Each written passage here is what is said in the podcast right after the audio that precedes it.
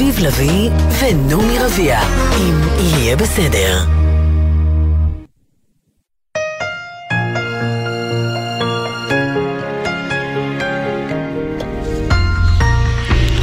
גלי צה"ל לשעה שש, שלום רב, באולפן ערן קורצים, מה שקורה עכשיו.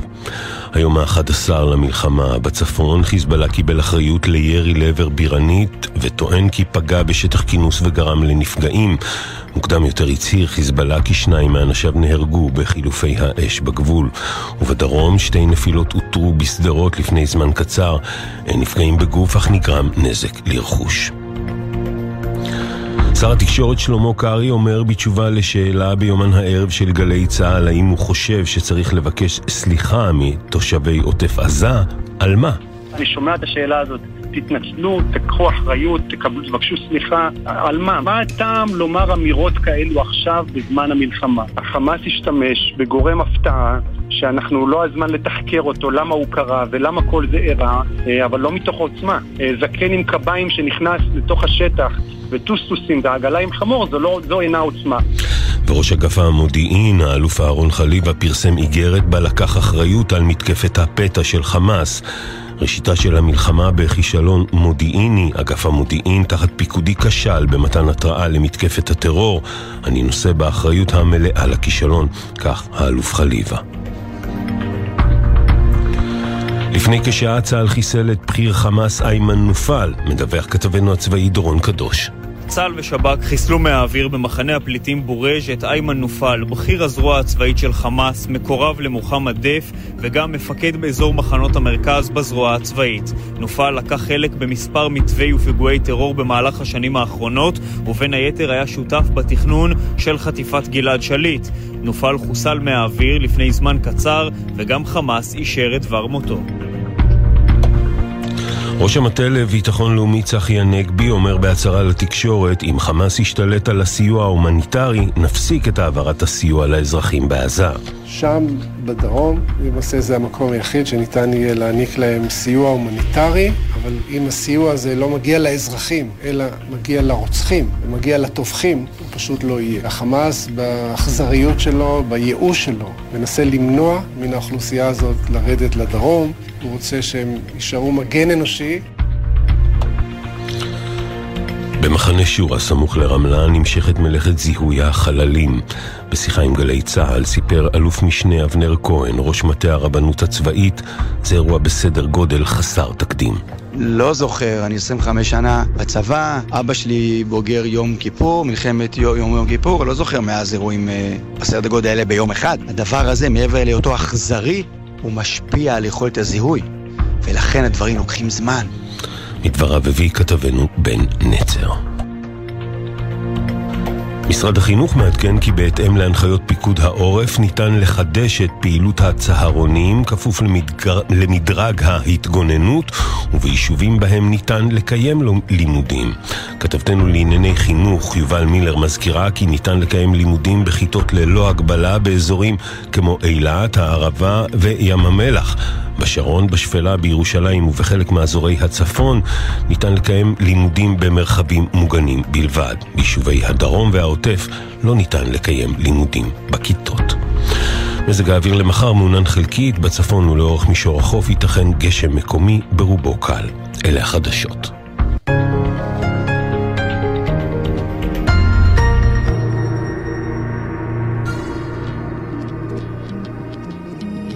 עכשיו בגלי צה"ל, אביב לביא ונעמי רביע, אם יהיה בסדר, עורכת נועה בלויטה. הבית של החיילים, גלי צה"ל. ישראל במלחמה, גלי צה"ל במשדר מיוחד.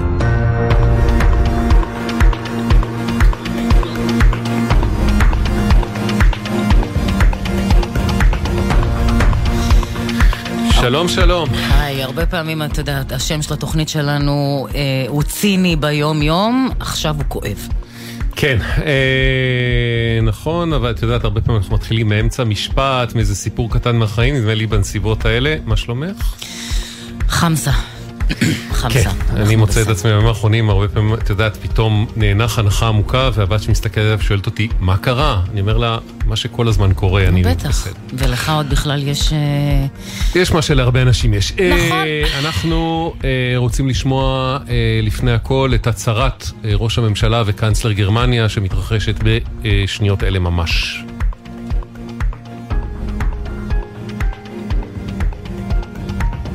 יכולות להיות uh, בעצם לאיים על העולם כולו. I hope and I believe that many, many around the world see ISIS for what it is, or see אני Hamas מקווה ומאמין שרבים בעולם רואים בחמאס את דאעש that you came here to stand with us על פי מע- מע- מעשיו. אני מודה לך על התמיכה, אדוני הקנצלר. צבע אדום בדגן, גנות, חולון, משמר השיבה, ראשון לציון, מזרח ומערב. ernsthaftes Gespräch נשמעת אה, bei Freunden in אזעקה שם. schwierigen Zeiten. Und im Deutschen Bundestag gesagt habe, in solchen schwierigen Zeiten kann es für Deutschland nur einen Platz geben, den Platz an der Seite Israels.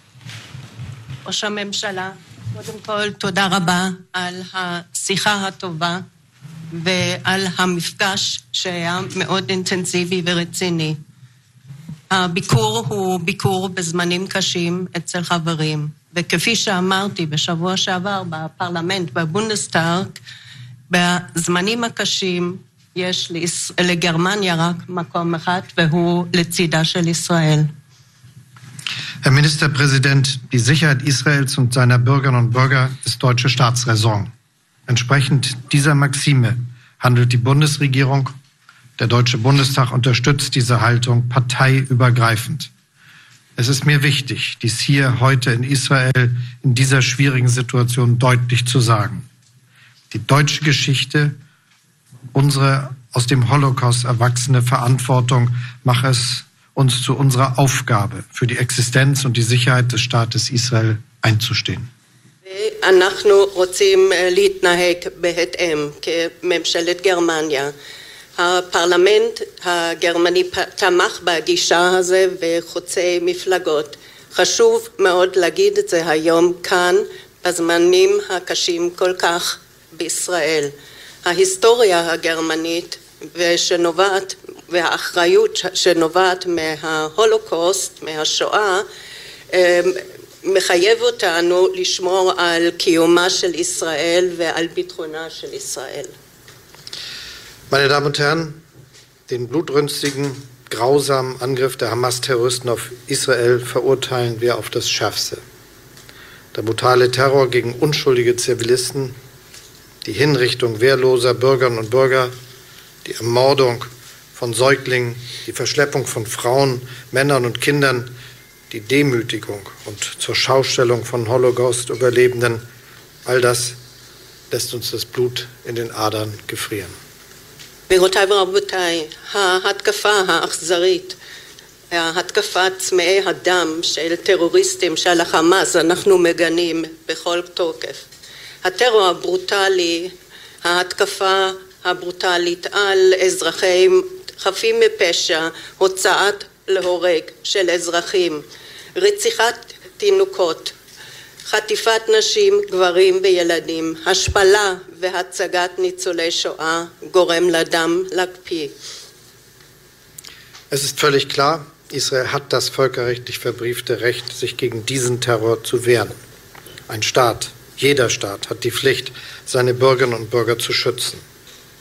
ללא ספק, לישראל יש את הזכות מעוגן בחוק הבינלאומי להתגונן ו- ולהילחם בטרור.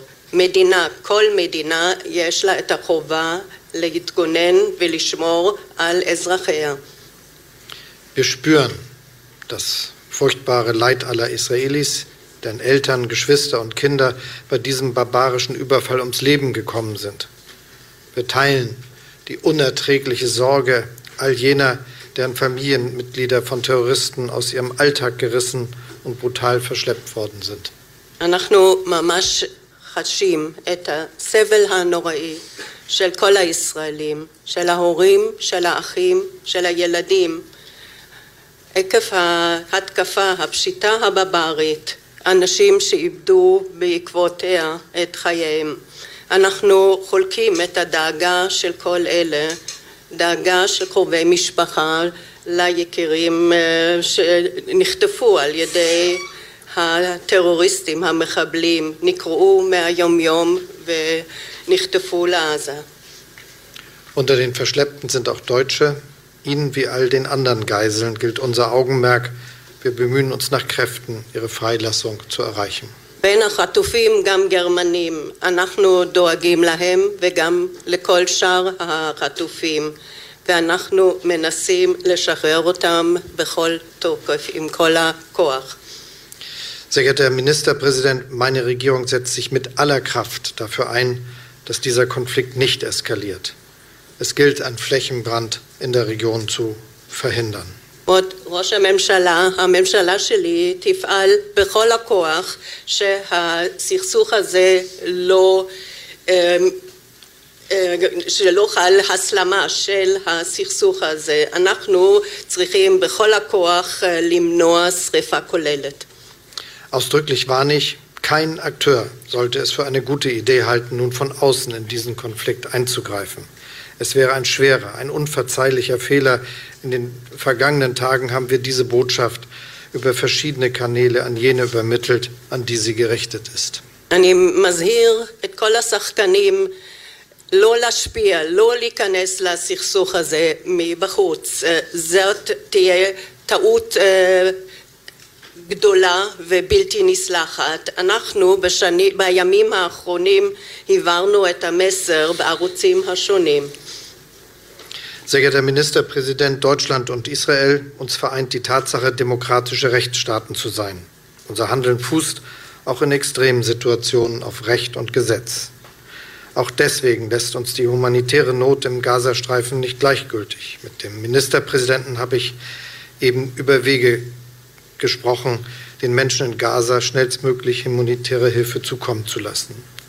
Anders als die Hamas die die Bürgerinnen und Bürger Gazas als menschliche Schutzschilde festhalten will, gilt unsere Sorge auch Ihnen. Wir wollen Zivilisten schützen und zivile Opfer vermeiden.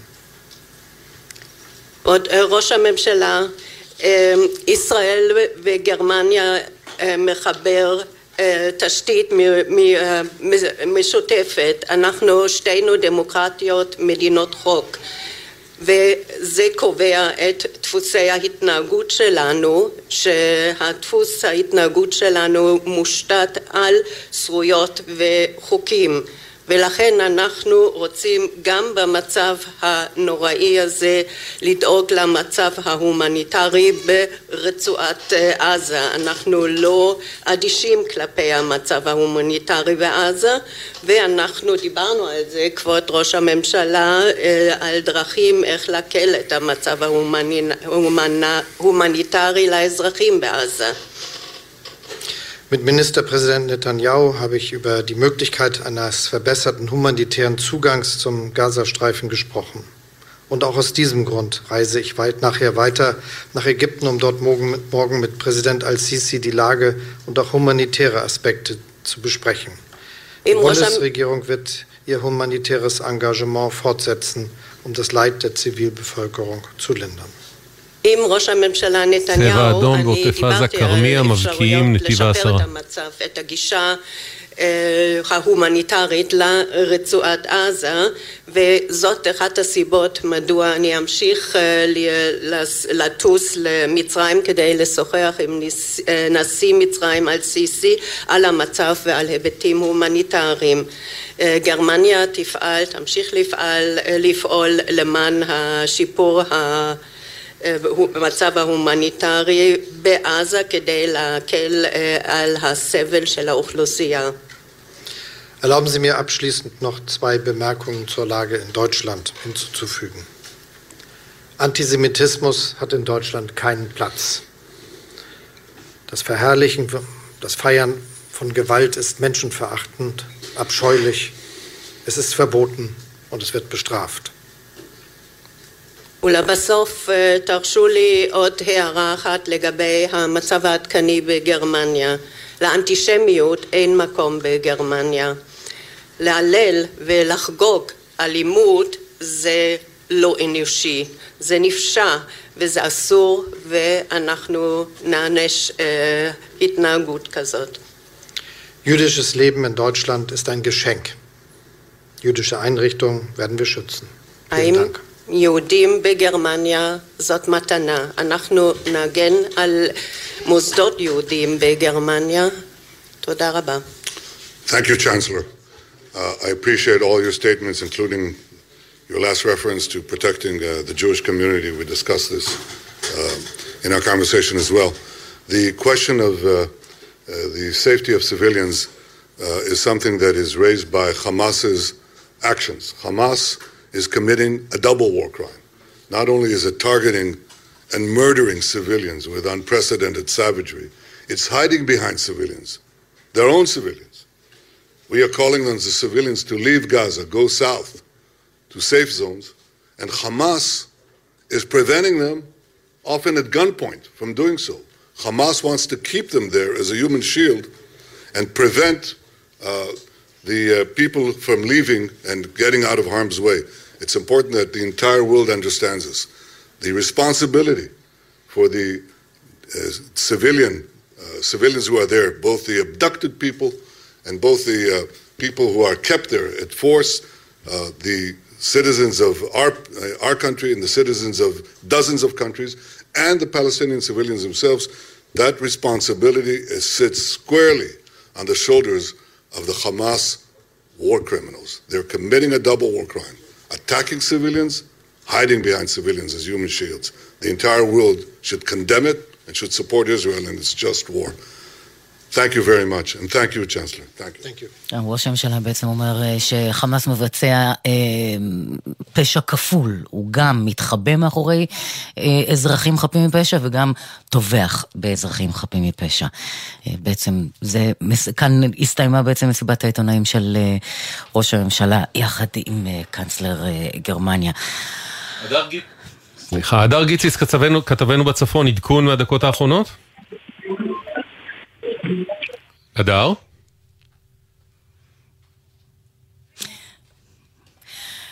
אה, אנחנו לא מדברים עם הדר גיציס, אנחנו רוצים לדבר עם הדר, בה'. שלום הדר.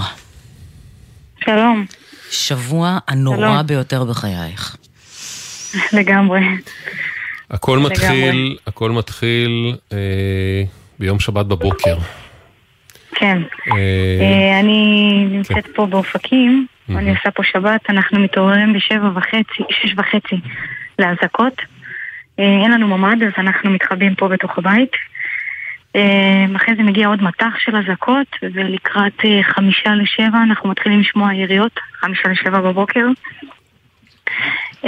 בעלי יש לו רישיון לאקדח, הוא יוצא עם הנשק מהבית. בעלך אריאל. בעלי אריאל. בעלי אריאל יוצא עם, ה... עם הנשק, ממש אה, לא... על הירייה הראשונה הוא כבר יוצא בחוץ, אח שלו יוצא אחריו, רועי, מהמם. רועי חיים, אח שלו הקטן, הוא יוצא אחריו ואני יוצאת אחריהם. צריך להגיד, אה, רועי, רועי הוא לוחם בסיירת גולני, אבל הוא היה ברגילה. בבית בלי נשק, נכון? נכון, נכון. ולמרות זאת הוא יוצא בידיים חשופות כדי לראות. מה הוא יכול לעשות, למי הוא יכול לעזור, כשיש יריות בחוץ. נכון.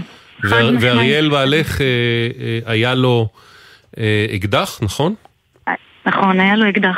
כן, יצא עם נשק. אישי והיה נכון. הראשון. אוקיי. הראשון, הראשון לצאת, הראשון לצאת ולהסתער ולנסות לעזור ולחתור למגע, כן. אה, הוא, רץ ואני רצה אחריהם, אני יוצאת מהבית אחרי, אחרי שאני רואה שאריאל כבר מתחיל ממש לפתוח פער לעבר היריות, אנחנו רצים יותר מהר, אני צועקת לו אריאל, אריאל, אני מבקשת אה, מאח שלו, אני אומרת לו תפוס אותו, תפוס אותו. את יוצאת בעצם אה, כדי להגיד לו לחזור. ממש ככה, כן. אני רצה אחריו לנסות להחזיר אותו, שיעצור. אמ, אנחנו מתקדמים אה, כבר משהו כמו 200 מטר, כבר ממש איפה שהכל התחיל, ממש אה, איפה שהכל התחיל באופקים. אריאל אה, דרוך עם הנשק, אני רואה אותו ממרחק אולי של, של 40 מטרים. אני רואה שהוא דרוך עם הנשק אה, מעבר לאיזושהי חומה, הוא כזה ממש מנסה לפתוח, אה, לראות מה הוא רואה, תוך כדי שהוא כזה מנגן על עצמו עם הנשק. אני שומעת כמה יריות, אני עדיין לא מבינה מה קורה, אני רואה את אריאל חוזר מעבר לחומה הזאתי, רץ לכיוון שלי, שאני מסתכלת עליו קדימה, הוא מולי, הוא רץ לכיוון שלי. אני רואה חוליה של מחבלים יוצאת מעבר לחומה הזאת, אני הצלחתי לראות חמישה מחבלים בערך. אה, אני רואה שהם יורים באריאל, אה, יורים לו בגב, הוא נופל, ואני באותם רגעים אה, רואה שהם מכוונים את הנשק על כולנו בעצם, כל מי שהיה שם. באותם רגעים אני פשוט מסתובבת חזרה, אני רצה, אני לוקחת את הסמטה ימינה, הראשונה שיש לי ימינה, אה, אני רואה שם מישהו בחוץ, אני אומרת לו תיכנס לבית, יש מחבלים. אני נכנסת לבית, אה, מתקדמת עוד צעד, אני רואה שיש דלת פתוחה. קומה ראשונה עם דלת פתוחה ומישהי בחוץ, אני מכניסה אותה לבית, דוחפת אותה. אה, היא אומרת לה יש מחבלים, אני סוגרת את הדלתות. אני סוגרת את הסורגים, קומה ראשונה. אחרי חמש דקות בערך היא אומרת לי שאני מדממת מהרגל. לא שמתי לב שכנראה ירו לי ברגל. מהאדרנלין. ממש ככה, כן. מהאדרנלין. מצאת את אה, עצמך באזור מלחמה מטורף. מי חשב ששבת בבוקר, חג, את תתעוררי ותמצאי את עצמך בסיטואציה הזויה כזאת? הזוי. הכל פשוט קרה גם מהר. אתה פשוט... לא מבין איפה אתה, זה היה מצב מלחמתי, לחכות שם בתוך הבית גם, אתה יודע, אני מחכה שם בתוך הבית ואני נמצאת גם עם שכנים מאוד היסטריים שאתה צריך גם להרגיע אותם תוך כדי. ואני צריכה אה, לומר להם שיש מחבלים בחוץ וחייב גם לשמור על השקט. ובינתיים, ו- תוך כדי גם יש לך את המחשבה שאחיך וגיסך בחוץ. ממש, תוך כדי מה עם אריאל, מה עם אריאל, אתה גם לא שומע כלום, לא מד"א, לא שוטרים. אה, ניסינו לתפוס את מאה, כמובן, אף אחד לא, כאילו, הכל היה, אף אחד לא עונה, הכל במצב מלחמתי, ה... היריות גם לא מפסיקות תוך כדי. אני שומעת כבר שהיריות קרובות אלינו. אני שומעת כבר אה, אחרי חמש דקות בערך אה, ערבית. התחלתי לשמוע ערבית מחוץ ל... ממש מחוץ לשכונה בעצם. אני באותם רגעים מבקשת שיחה מהשכנה, אני מתעשתת, אומרת לעצמי, אם אני אלך ואם יהרגו אותי, לפחות שאחי ידע איפה הייתי פעם אחרונה. אני מתקשרת לאחי, אני ממש מתמצתת לו, אני אומרת לו, ירו בי, ירו באריאל, אני ברחוב ככה וככה. אה, נכנסו מחבלים לאופקים ואמרתי לו, תתפלל, וניתקתי את הטלפון. וואי וואי וואי. אחרי, אחרי כמה דקות אני מתקשרת אליו שוב, הוא חווה שהוא התחיל לתפעל אותי מה לעשות, הוא אומר לי, מה את רואה?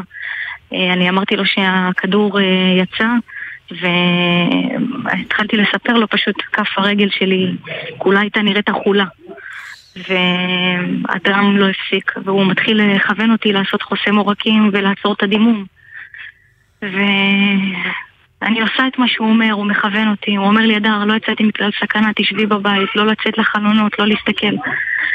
ואתה יודע, אני רק מחכה לכוחות שלנו בעצם, לשמוע עברית, לשמוע את הכוחות שלנו, אחרי שעה ומשהו, בערך שעה וחצי, שעה ארבעים. אמ, אני שומעת, אה, כבר כיתרו קצת את השכונה שוטרים שלנו. אה, הרגשתי שעדיין אני לא יכולה לצאת, לא יכולה לעשות כלום. חיכיתי שממש כאילו כמה שיותר שוטרים יהיו אצלנו באזור. כשזה קרה, צעקתי לשוטר מהחלון, פצע ירי, פצע ירי. אה, הוא הגיע אליי, הוא, הוא, הוא ממש, אה, שניים מרימים אותי, רואים לי את הפצע, אומרים לי, את חייבת להתפנות, הם סוחבים אותי, תוך כדי שיש קרב יריות בחוץ. אני, מביאים אותי דרך איזה סמטה, ומשיבים אותי שם על הכיכר, ואומרים לי, תחכי, ואני מרגישה שהכל חשוף, ואני... אני, אני מבקשת, בואו ניסע, בואו ניסע, בואו נעשה משהו, תכניס, תחזירו אותי לבית, אמרתי להם. אני מפחדת, תחזירו אותי לבית. אמ, ייאמר, באמת, היה שם אה, מנתח לב בשם ירון מסורוקה, מנתח לב בכיר מדהים שהיה איתי, ושמר על קור רוח בצורה מופלאה, וליווה אותי, אה, ונסענו בטנדר שלו. אה, בסופו של דבר הגעת לסורוקה, נכון? ממש, ממש. בשלב הזה את יודעת מה קרה עם אחיך וגיסך? עם בעלה, עם אריאל. סליחה, עם כן, בעלך וגיסך. אה, עם אריאל אני ידעתי שאריאל כבר לא בין החיים. אני... כלומר, בעצם ממש הבנת את זה ברגע שראית שירו בו מול העיניים שלך כן. בגבו. ממש ככה. ורועי? ממש. ורועי, אני יודעת שרק רועי היה לפניי והנחתי שהוא נפגע, אבל לא היה לי מושג, התמקדתי והסתכלתי רק על אריאל, על בעלי, mm-hmm. לא ראיתי מה קרה עם רועי, לא ראיתי. ומתי אתם אנחנו... מקבלים, אה, מתחילים לקבל בעצם הודעה רשמית מהמערכת? רשמית, אנחנו מקבלים הודעה רשמית במערכת אחרי כמה ימים בעצם, mm-hmm. אחרי... אחרי שאנחנו מבינים שבסורוקה הם לא נמצאים, עברנו לסורוקה, בדקנו בברזילאי, mm-hmm. אנחנו מבינים שהם לא נמצאים לא פה, לא שם, לא בתור אלמונים גם. אה, ואחרי כמה ימים, אני אולי, אני לא זוכרת בדיוק, שלושה ימים, mm-hmm. ארבעה ימים, אנחנו מגיע אה, נציג מהצבא ואומר לנו שזיהו את רועי והוא נהרג. ולגבי אריאל אומרים לכם עדיין לא יודעים, למרות שאת. אומרת אני יודעת, אבל כן, זה לא רשמי כן. ואין...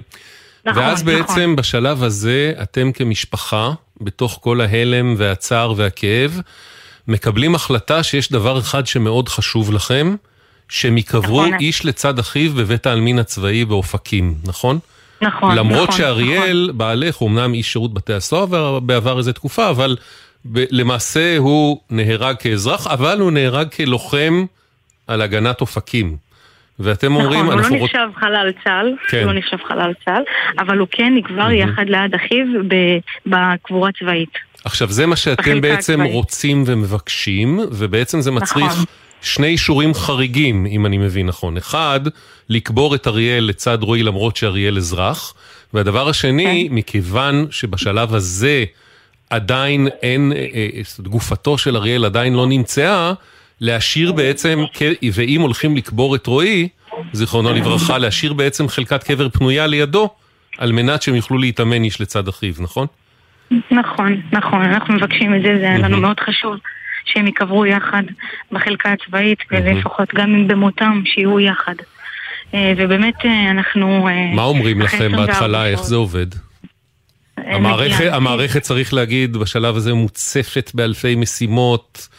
קשה נכון, מאוד לקבל נכון. קשב, אני מתאר לעצמי, ו- ולא, ולא נכון. כי יש שם אנשים רעים, להפך. נכון, אבל ליוו אותנו אנשים מאוד מדהימים. אוקיי. אה, שהם באמת עשו את המאמץ, והאבא באמת ביקש, אני מבקש, הוא אמר, תעשי איתי חסד אחרון, ולנציג מהצבא, ו- ובעצם אה, תנסה, כאילו ת... תפעל בשבילי מה שאפשר לקבור אותם יחד באותה חלקה. ובאמת, אחרי 24 שעות, אמ, או אפילו פחות, כבר דפקו לנו בדלת בארבע לפנות בוקר. אמ, עם זיהוי ודאי. ואמרו לנו שמצאו את אריאל, וזה ודאי, ושיש אישור לעשות קבורה ביחד. אה, בחלקה הצבאית. אני רוצה לספר לך, דר, מהצד שלנו, אה, פנה אלינו, זה מה שאת מספרת, ארבע בבוקר זה יום שישי לפנות בוקר, נכון? האחרון. נכון, נכון. ביום חמישי, בשלב מסוים של יום חמישי, פנה אלינו אה, מי שליווה אתכם, או אחד האנשים שליוו אתכם במאמצים. אה, שבקשתכם תתקבל, הרב ישראל סמט פנה אלינו וביקש נכון, עזרה, נכון. אני מכיר את הרב סמט הרבה שנים, איש מדהים, יקר. מדהים, מדהים, כן. והוא ביקש שננסה גם אנחנו, יחד עם עוד אחרים, אה, לסייע ולקדם, כי גם היה דחיפות בלוח הזמנים אה, אה, לקבל את ההחלטה והאישורים. פנינו לגורם בכיר במערכת הביטחון, מוכרח להגיד שהגורם הבכיר במערכת הביטחון כבר הכיר את הסיפור ואמר ישר בתגובה ראשונית, אנחנו מכירים את הפנייה. אנחנו בעד, אנחנו פועלים כדי להשיג את האישורים האחרונים ומאמינים ש... אה, יתקבל, אבל תנו לנו אה, כמה שעות, ואכן למחרת, בשעת בוקר מאוד מאוד מוקדמת, גם אתם, וקצת אחריכם גם אנחנו קיבלנו את ההודעה.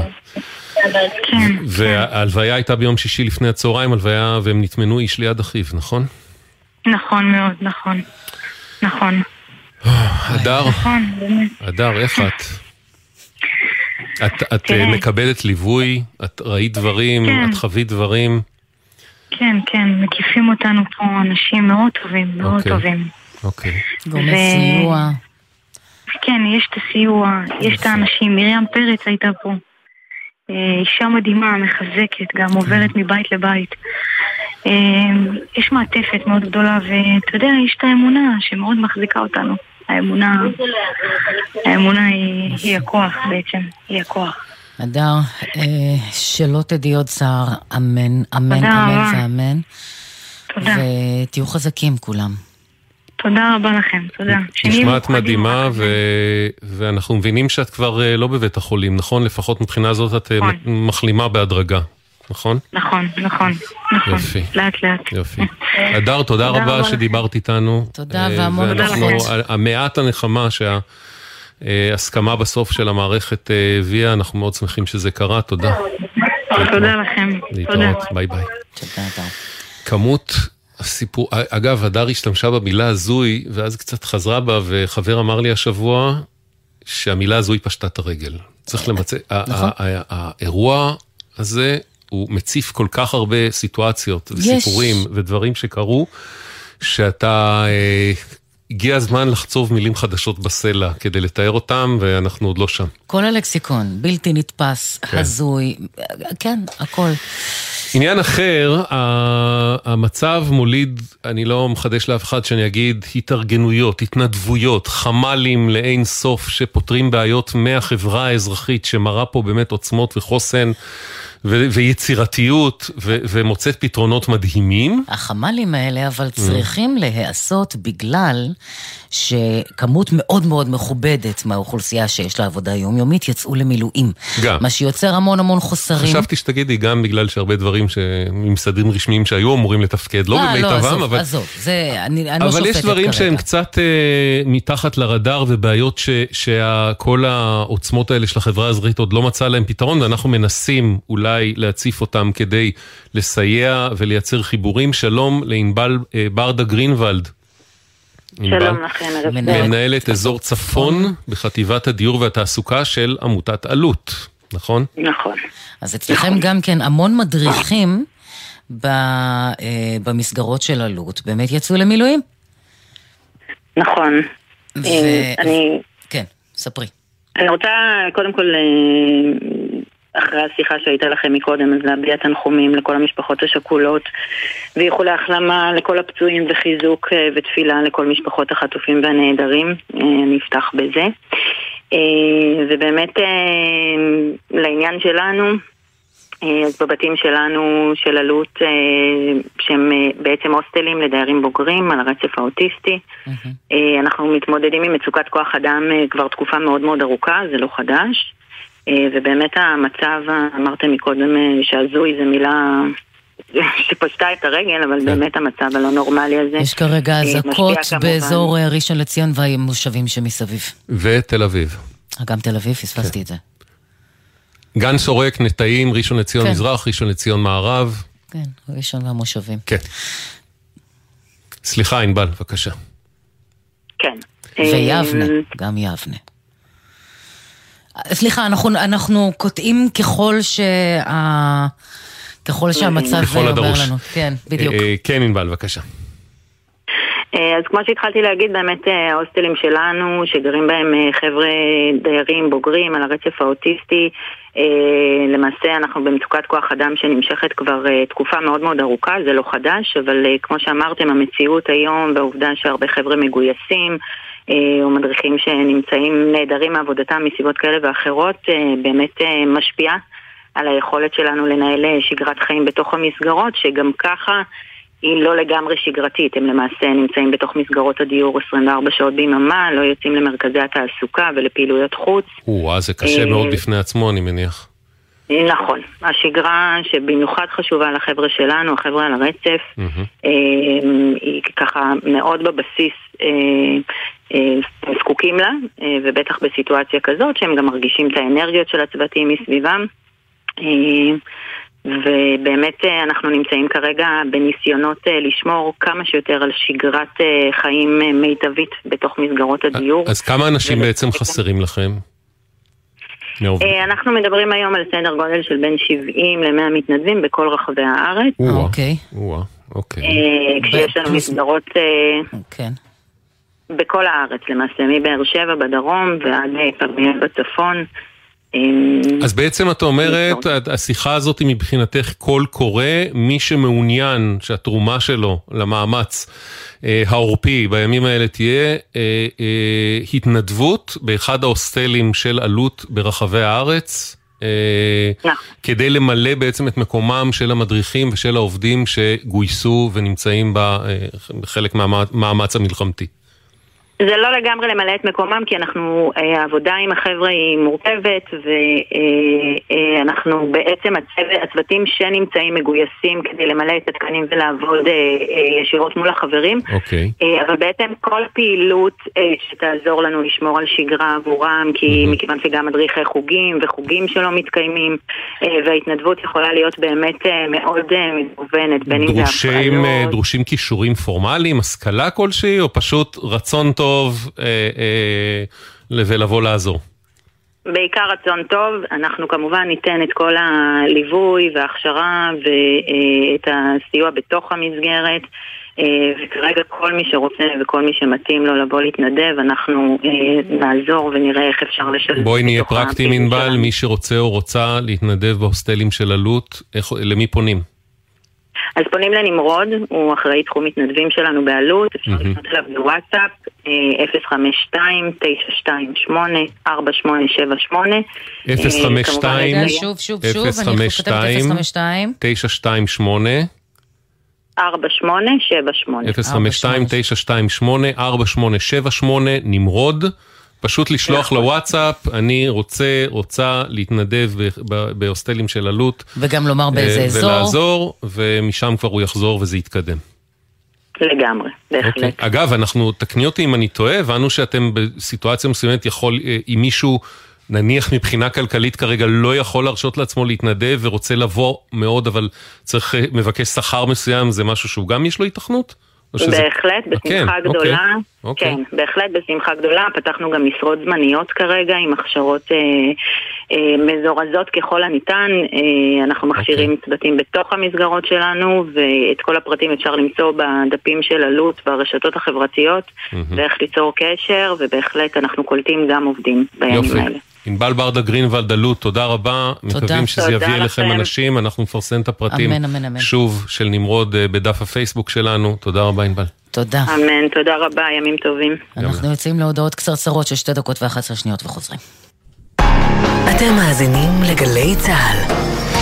פצועים ומשפחות שכולות, הביטוח הלאומי פתח למענכם קו חירום כדי שתוכלו לקבל סיוע מיידי שאתם זכאים לו ברגעים קשים אלו. פיצוי למשפחות הפצועים על אובדן הכנסה בתקופת האשפוז, סידורי לינה סמוך לבית החולים, החזרים תמורת התרופות ומכשירי עזר לפצועים, השתתפות בהוצאות האבל למשפחות שכולות, הבאת קרובים מחוץ לארץ ושירותי עזרה וסיוע נוספים. המוקד פועל בימים ראשון עד חמישי מ-8 בבוקר עד 8 בערב, וביום שישי מ-8 בבוקר עד 2 בצהריים, ומספרו 02-626-9999. התקשרו ותקבלו את כל המידע. איתכם גם ברגעים אלו, הביטוח הלאומי.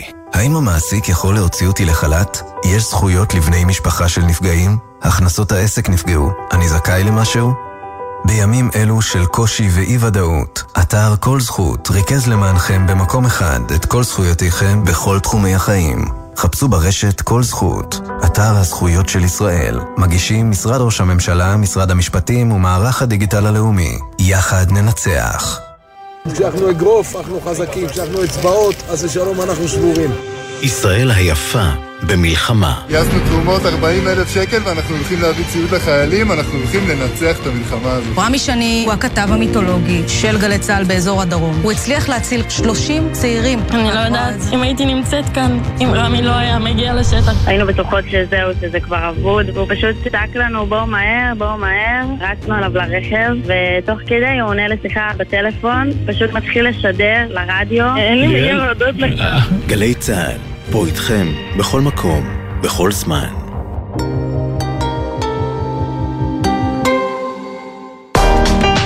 עכשיו בגלי צה"ל, אביב לביא ונעמי רביע, אם יהיה בסדר. הבית של החיילים, גלי צה"ל. שבנו אה, אחרי ההודעות המאוד חשובות האלה. את, אמ, את יודעת ש... העלינו פוסט ביום, נדמה לי, הראשון למלחמה, אה, כשלא שידרנו, היה גלים פתוחים, 24-7, נכון. ו... אה, אבל הזמנו את הציבור לפנות אלינו, לשאול שאלות, להציף בעיות וכן הלאה, ואחד המגיבים, אה, אמר לנו, למה שלא תשאלו את פייסבוק, למה הם לא מורידים פוסטים של עם סרטי סנאף וסרטי זוועה כן. ו- וכן הלאה. עכשיו, מאז, אה, אני, לא, הכל רחוק מאוד מלהיות מושלם, אבל אה, יש מדיניות של הורדות של דברים וכן נכון. הלאה. אבל אני רוצה להסב את תשומת לב, אה, למי שלא יודע, משהו לגבי פייסבוק. הרבה אנשים ביממה שתיים האחרונות התפלאו שפוסטים שלהם כמעט לא זכו לתגובות ולתפוצה. מה מתברר? שפייסבוק שינו את ההגדרות, את הברירת מחדל, על מנת להגן על ישראלים מזה שאנשים, אה, גורמים עוינים יגיבו לפוסטים בתגובות נאצה ויעלו כל מיני אה, דברים שאנחנו לא רוצים שיעלו על הדף שלנו, בעצם ההג- ההגדרה של ברירת מחדל היא שיכולים להגיב או רק החברים שלך, או רק אנשים שעברו על פוסטים שלך בשבוע האחרון או משהו כזה, ולכן מי שרוצה למנוע את זה וכן רוצה שזה יגיע לכ- לכל אה, בציבור, צריך להיכנס באופן אקטיבי להגדרות של ולשנות. הפוסט. ולאפשר לכולם להגיב ו- ולראות. ו- ואז יחזור לכאורה לתפוצה הרגילה. אז זה דבר שנתקלתי בו ביממה האחרונה. אוקיי. אני, מן הסתם אני לא היחיד. מעניין. אה, שכחנו להגיד שדף פייסבוק שלנו יהיה בסדר בגל"צ, פתוח לרשותכם כרגיל. אה, מוזמנים להגיב לנו, לשאול אותנו, להציף דברים, אנחנו פה ונהיה פה בשאיפה. אה, גם גם. בהמשך אה, הדרך. הלוואי. אה, מיום ליום. בשלב זה בשעה שש, אבל מיום ליום אנחנו בדיוק. והכל יכול להשתנות לכאן או לכאן. אה, גם נאוריי שלנו, כן. טלפון הוואטסאפ שלנו, איתנו במלחמה, 052-920-1040, 052-920-1040, מוזמנים להגיב לנו ולכתוב לנו במהלך השידור. לא ציינו אולי, אנחנו פה עד שמונה, מהדורה תהיה בסדר כן. במלחמה, היום מיוחדת, שעתיים, נהיה פה עד שמונה. כן, ו- הכל- הכל והמייל כל כך שלנו הפוך. פתוח כל הזמן. כן, הכל כל כך הפוך. פתאום ל- ל- להגיד את הפ... לומר את כתובת הפייסבוק ואת מספר הטלפון, זה נשמע לי משהו מאוד לא... שגרתי מדי. שגרתי מדי, כן. רוטיני מדי. לגמרי. גם הדואר האלקטרוני שהוא אוקיי, כרוכי glz.co.il, שאתם כבר יודעים, יודעים אותו כבר בעל פה, גם אליו אתם יכולים לכתוב ולהעלות בפנינו את אה, כל מה שאתם אה, זקוקים לעזרה איתו. עכשיו ו- אנחנו נגיד שלום לצביקה. צביקה. אהלן. שלום, שלום. קודם כל, תודה.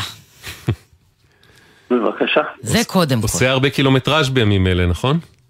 הרבה מאוד. שמה? מה מה אתה? משנע? 500, 600 אה, קילומטרים ביום. או-אה. מה אתה משנע ומאיפה לאיפה?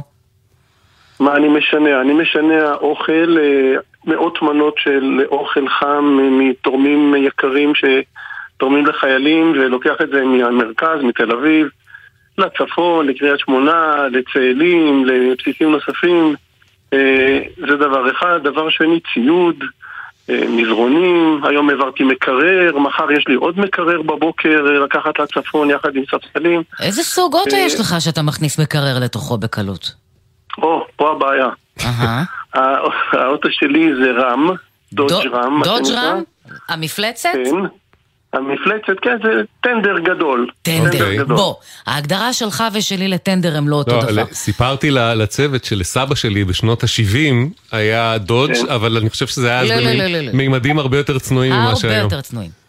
אתה מכיר את המונסטר ג'יפס של ארה"ב? Mhm. פלוס מינוס באותו גודל, רק עם גלגלים בגודל נורמלי. אז צביקה הובלות, אתה בעצם עושה אה, הובלות לבסיסים אה, בדרום, בצפון, לחיילים כן. של... אה, אה, צביקה הובלות רק בזמן המלחמה, כן, בזמן שלא ברור. מלחמה, צביקה עוסק בהנדסת בטיחות בפרויקטים של בנייה ברחבי הארץ, וואלה. ואני גם נוסע בכל הארץ. מה שמסביר את גודל הרכב. אה, מה שמסביר תגיד, לו תגיד, גודל צביק- הרכב, צביקה, עוד לפני שנייה, לפני בגלל שניגש לסוגיה.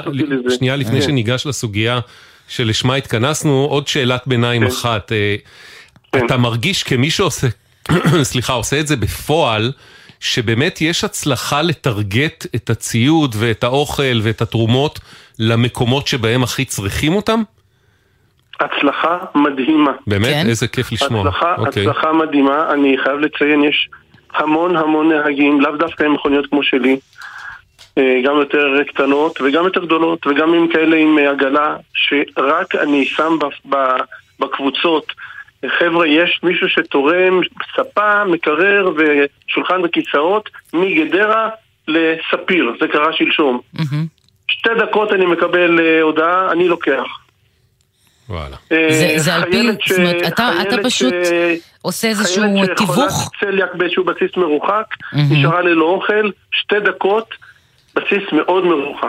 שתי okay. דקות, וואו. יש מתנדב שלוקח ותוך שעתיים הארגז עם האוכל המיוחד שלה אצלה. נהדר. מדהים, פשוט ממש. מדהים, מרגש, חבל על הזמן. אז אנחנו ואני בעצם... ואני עזבתי את כל מה שאני עושה, כן. אני עזבתי את כל מה שאני עושה, mm-hmm. והתחברתי לקבוצות שתורמות ומסייעות לחיילים, ואני קם בבוקר ויוצא לדרך. ואחרי כל הטוב, הטוב הזה, בתוך כל הרע שמסביב, בוא ספר לנו מה מתסכל ומקומם אותך בימים האלה בהקשר הזה. מה שמקומם אותי בימים האלה, אבל לא רק בימים האלה גם בכלל, אבל עכשיו זה כואב במיוחד, זה mm-hmm. כביש 6. כלומר? כביש 6, יש אגרה, כל אחד נוסע משלם אגרה לכביש 6, ולכביש 6 יש אה, דרגות או סולם, סולם אה, אגרות לפי סוג כלי הרכב. אה, מה, כמו בטסט? כן.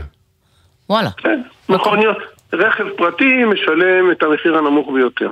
אה, לא משאית משלמת מחיר מאוד גבוה, ויש עוד באמצע אופנוע, לא יודע. אוקיי.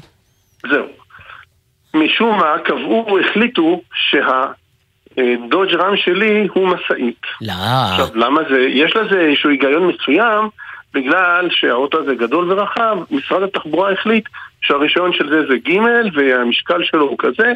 צריך רישיון ג' וזה נחשב למשאית, אומנם הכי קטנה שיש. מה, מה זה כמו רכב מסחרי בעצם, זה לא כמו משאית. מה המשמעות אבל, צביקה? המשמעות היא שאני משלם בערך פי חמישה יותר אגרה. פי חמש? כלומר, אם אני עולה נניח פי חמישה יותר אגרה מפרייבט, מרכב פרטי. ועכשיו שיש לך המון קילומטראז', זה יהיה המון. נכון. אם אני נוסע, אם אני עולה על הכביש מצד לצד, וקורה לי הרבה שאני צריך לעשות את זה, כל עלייה כזאת עולה 70, לפעמים 80 שקל, והלוך חזור יכול להגיע ל-150-160, ואני עושה את זה פעמיים ביום. חוץ מהדלק והזמן שאני משקיע בתרומה לחיילים, אני צריך לשלם עוד 320 שקל אגרה. ואתה אומר בעצם, חברים בואו תתחשבו, אני לא עושה את הנסיעות האלה לטובתי האישית, אני מנסה, ב, אני עוזר כאן לחיילים, אני עושה, נותן כאן תרומה לא, לא מבוטלת. למדינה, בואו תתחשבו בי מבחינה, מבחינה כספית, לפחות בתשלום על הכביש. לא, אני אומר, מעבר לעניין התעריף, אה, נעשה איזה ניסיון פשוט אולי לאנשים כמוך בתקופה הזאת לקבל פטור? זאת אומרת, להגיד, האנשים האלה לא עושים, עושים מצווה לא. ולא צריך שהם ישלמו תמורת המצווה הזאת? לא ידוע לי. אני במקום לשלם רק את ה-500-600 שקל דלק שאני מוציא כל יום, mm-hmm. לפעמים יותר, אני צריך לשלם עוד 300 שקל אה, לכביש 6. בלית ברירה אני משתדל לנסוע מסביב, ואז זה לוקח לי עוד שעה, כי אני. נוסע דרך כביש 4, דרך פקקים, דרך... אני משתדל לא לעלות עליו.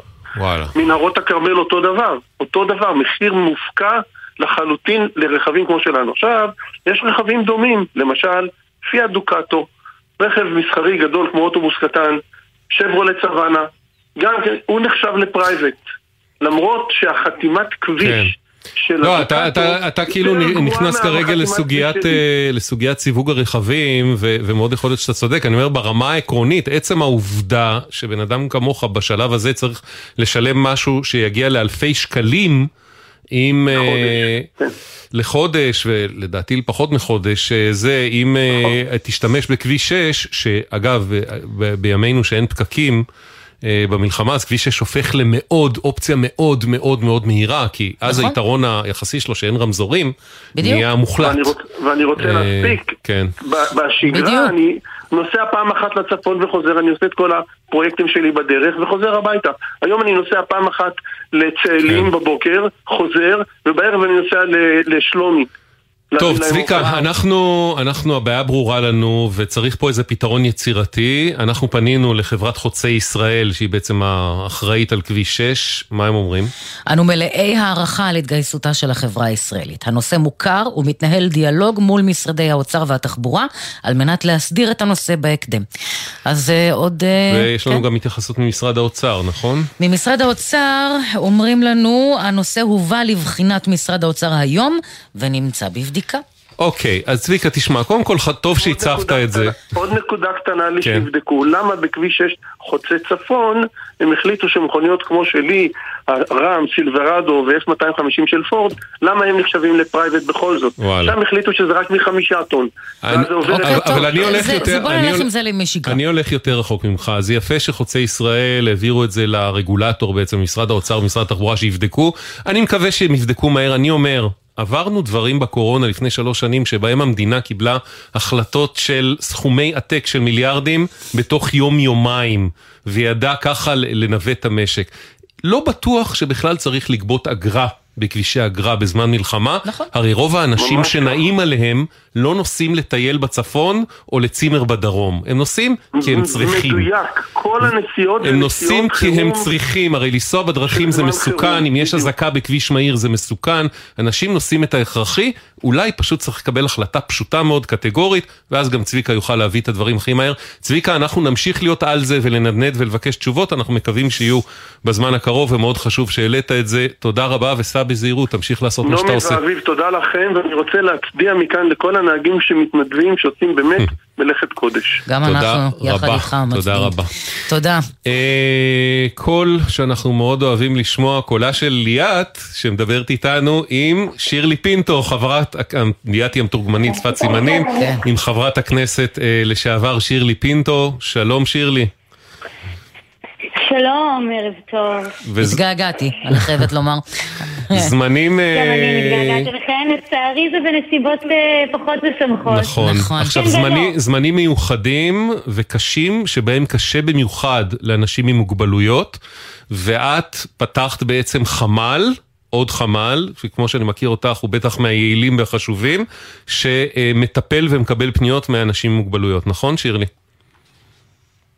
כן, נכון, מדויק. אני בעצם בתחילת הלחימה חשבתי לעצמי, קיבלתי את השוק כמו כל העולם ועם ישראל. בשביעי לאוקטובר אני בטוחה שיש כל כך הרבה משפחות בדרום אה, עם ילדים ואנשים עם מוגבלות, אז אה, פניתי לאתר שווים, לעמותה, אם אתם מכירים. אמרתי בואו אתר, פעולה. אתר שווים, אתר נהדר שמסקר את כל נושא האנשים עם מוגבלויות. אה, כן. עושים עבודה נהדרת, נכון. באמת, עבודת קודש. אני ממליצה לכולם להיכנס ולהתעדכן באופן כללי. מהמם. ולכן אמרתי ששיתוף פעולה איתם יהיה באמת הכי טבעי והכי אה, מדויק אה, בשבילי. אה, אז התחלנו ביחד להקים חמ"ל למען אנשים עם מוגבלות והמשפחות שלהם ובנינו את החמ"ל אה, ממש אה, מאפס ולסייע להם. אה, זה הולך והולך וגדל, הרוח ההתנדבות היא מדהימה ומה שמדהים בחמ"ל הזה שרוב מוחלט מהאנשים שמתנדבים בחמ"ל הם אנשים עם מוגבלות בעצמם. וואו. זה אומר אוקיי. שבעצם תמיד אדם עם מוגבלות מוצא את עצמו במקום הנזקק והצריך לקבל עזרה, אבל לא, הנה, אנחנו אנשים עם מוגבלויות עוזרים לאנשים עם מוגבלויות אחרות, אחרים, למשפחות של אנשים עם מוגבלות, אנחנו יכולים לתת מעצמנו, אה, ליצור קשר, לסייע, אין סיבה שלא, אנשים עם מוגבלות הם לא רק פה כנזקקים. תגידי שירלי, את יכולה כן, לתת לנו דוגמה לאיזה סוג פניות אתם אה, כבר מקבלים? מה, מה שמייחדות אה, את האנשים שפונים אליכם? בטח, כמובן. אה, יש המון המון אה, אנשים אה, מתמודדי נפש. בגלל המצב, אה, שלוקחים את האזעקות ואת המלחמה בצורה קשה, שיכול להיות שגם חלקם לא היה להם איזשהו עניין לפני והיה להם מוגבלות אחרת. מהמם. הם צריכים מטפלים ואנשים שיסייעו להם, שמבינים גם בתחום האנשים עם מוגבלויות, מתמחים במוגבלות שלהם בעצם. אוקיי. וזה הייחוד בחמ"ל הזה, זה לא עוד חמ"ל, אלא לתת את המענה המדויק ולא מענה אה, מקיף אה, וכללי. הוא באמת המענה המדויק והכי...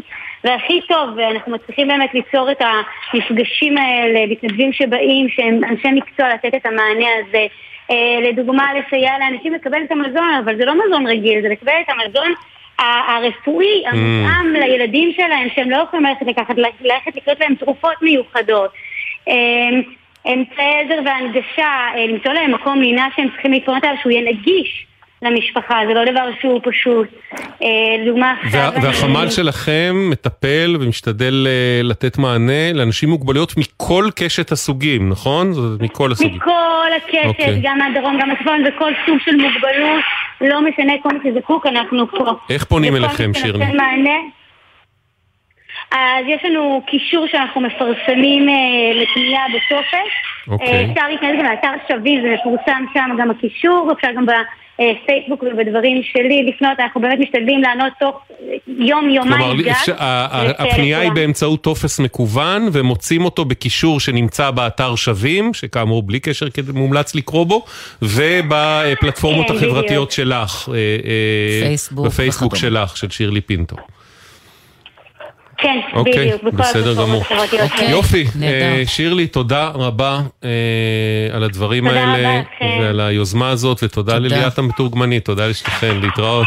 תודה לכם, תודה רבה ובשורות טובות לכולם. אמן, וממש לפני שאנחנו סוגרים את השעה הראשונה הזו, אנחנו אה, רוצים לפנות לפרשננו לענייני צבא אמיר בר שלום, היי. היי, היי נעמי, שלום אביב, ערב טוב. היית בהצהרה של ראש הממשלה נתניהו וקנצלר גרמניה שולץ, סכם את האירוע. כן, אה, אפשר לומר ששולץ לא חרג ממה ששמענו בימים האחרונים, אה, מכנה את ההתקפה, את הטבח של חמאס אה, ברברים, ברברים, לישראל יש את הזכות להגן על הזמן, שאולי זה המשפט החשוב ביותר שישראל רצתה לשמוע, על כך שיש לה את הרוח הגבית ללכת גם מגרמניה ללכת למבצע הקרקעי בעזה. מה שהיה מאוד מעניין אה, מצד שולץ, ושוב, אנחנו, הוא אמר את זה בגרמנית, אנחנו קיבלנו את התרגום בעברית, שהוא אמר משפט משהו כמו, ואני מקווה שתרגמו אותו נכון, אני גם, הוא אמר, אני מציע למדינות אחרות באזור לא להיכנס ללחימה הזו. שגרמניה תעביר, אה, תאמר דבר כזה, זה איום מלחמה, אני לא זוכר מתי גרמניה איימה במלחמה מאז 1945 וקצת קודם לכן. לכן, לא, לא, זה מאוד מעניין. אביב, אתה מסכים איתי שהיסטוריה זה מאוד מעניין אם הוא אמר את המשפט הזה בגרמנית. ניסית אגב להבין דרך פמאיה שלו, האם אכן זה מה שנאמר, הם אמרו לי שזו הייתה רוח הדברים, אבל אני מניח ש... כן, כי אמיר, נכון, כי המתורגמנית, היא הייתה מצוינת בגרמנית, אבל העברית שלה, אפשר היה לפרש אותה ביותר נכון. מאופן אחד להרגשתי, נכון? לחלוטין, לחלוטין כן, וזה מאוד חשוב הדברים האלה של נכון. המנהיגים, ואני אסביר מדוע. כי בריאיון ל-60 Minutes, אה, שהוא נשאל, אה, הנשיא ביידן, לגבי, ה, אה, לגבי אה, הפעולה הקרקעית, אז המראיין דיבר איתו על occupation.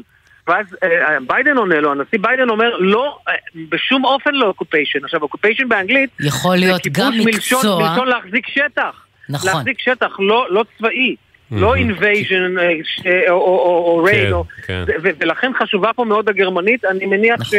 שתהיה על זה תשובה בהמשך, אה, אה, בהמשך הערב, בכל מקרה ביקור חם מאוד, ואי אפשר שלא להתעלם, חמאס רואה את זה גם כן, ויורה בזמן הנאומים, כמובן. שמענו את האזעקה, שמענו את הבומים, זהו, רק אין- אין מקריות בעניין. הזה, שאיכשהו אה, אה, הקאנצלר התחיל לדבר, התחילו אה, אזעקות, נכון? ממש כן. לא מקרי. לא, לא, כן. ואני אומר, זה פרומו למחר עם ביידן. בואו נראה מה Mm. יקרה כשנשיא המעצמה הגדולה, החזקה בעולם יהיה כאן. שלא תפתח פה. לשטן, בסדר? לא, לא, זה לא קשור לזה, נעמי, זה היגיון, זה פשוט זה היגיון, נכון, אה, נכון. היגיון והבנה לגמרי, והבנה- לגמרי. באזור. אמיר בר שלום, יקירנו, הנה משהו שלא חשבת עד לפני עשרה ימים שתצטרך לדעת גרמנית כדי לפרשן מלחמה. אה, תודה לך, נשתמע. תודה, להתראות, להתראות.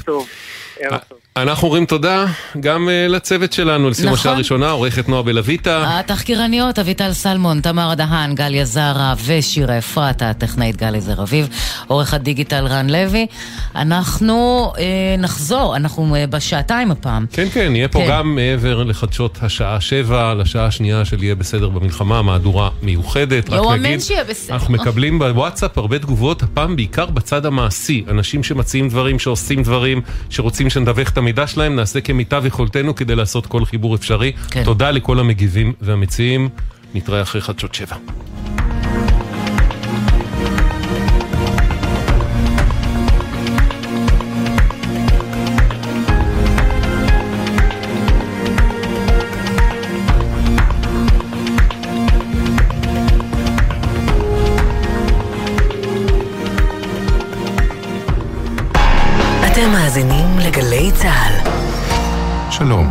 כאן פרופסור אייל פרוכטר, פסיכיאטר.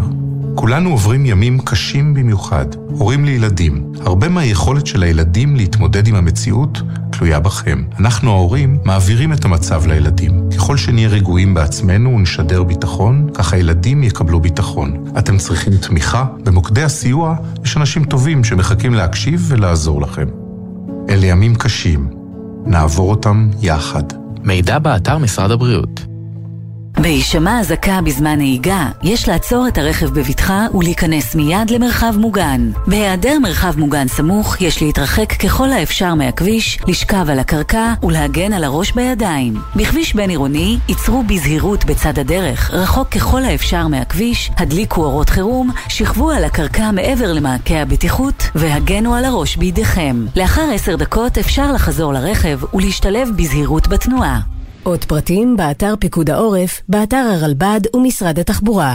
גלי צה"ל מזמינה אתכם להצטרף למאמץ המשותף למען התושבים בקו האש במיזם המיטה החמה של גל"צ וגלגלצ. באמצעות מוקד הפניות שלנו נחבר בהתאם לצורך וליכולת בין אזרחים ללא פתרונות לינה בעקבות המצב לבין אלה המוכנים ויכולים לסייע.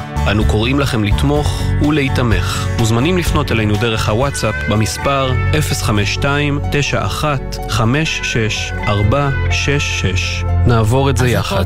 גלי צה"ל פה איתכם, כל מקום, כל הזמן. וגם באזור גן יבנה וביצרון. מיד אחרי החדשות, אביב לביא ונעמי רביע, אם יהיה בסדר.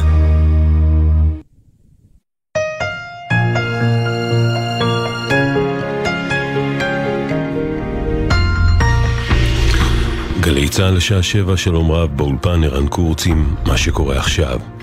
היום ה-11 למלחמה נמשך הירי לעבר ישראל. בשעה האחרונה נשמעו התרעות צבע אדום במרכז הארץ.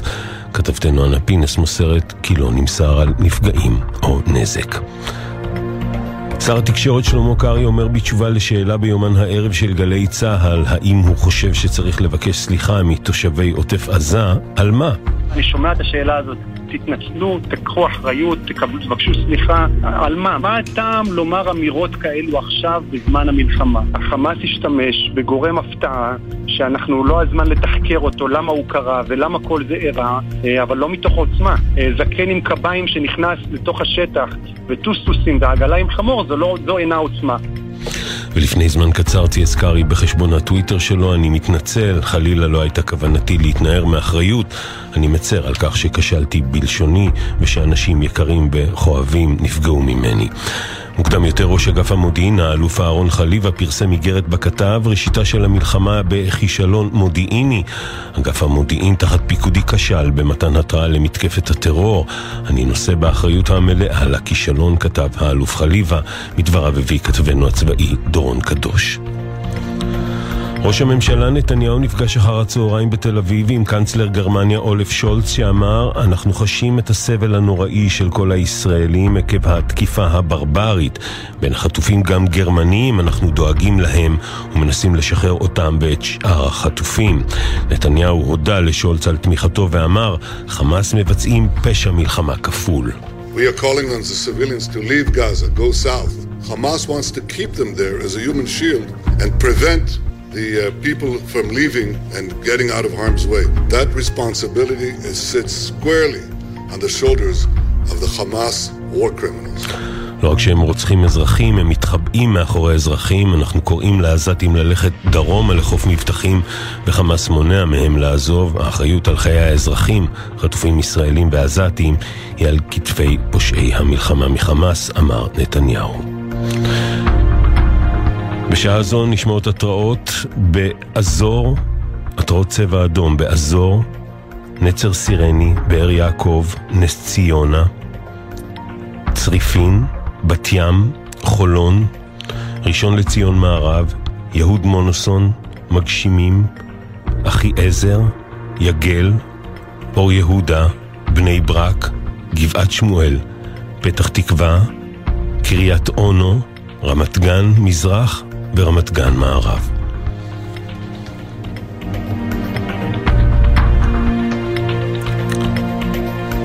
הותרו לפרסום שמותיהם של שלושה חללי צה"ל אשר משפחותיהם עודכנו. רב סמל מתקדם במילואים טל אילון, בן 46 מכפר עזה, חבר כיתת הכוננות ביישוב. רב סמל מתקדם במילואים איתן חדד, בן 43 מבארי, חבר כיתת כוננות ביישוב. רב סמל ראשון במילואים אופיר ליבשטיין, בן 50, ראש מועצת שער הנגב. ליבשטיין, זיכרונו לברכה, הוכר כחלל צה"ל עקב השתייכותו לכיתת הכוננות ביישובו, כפר עזה. חברי קבינט המלחמה, בני גנץ וגדי איזנקוט, נפגשו עם משפחות החטופים והנעדרים במטה המאבק להשבתם בתל אביב. מדווח כתבנו גל ג'רסי.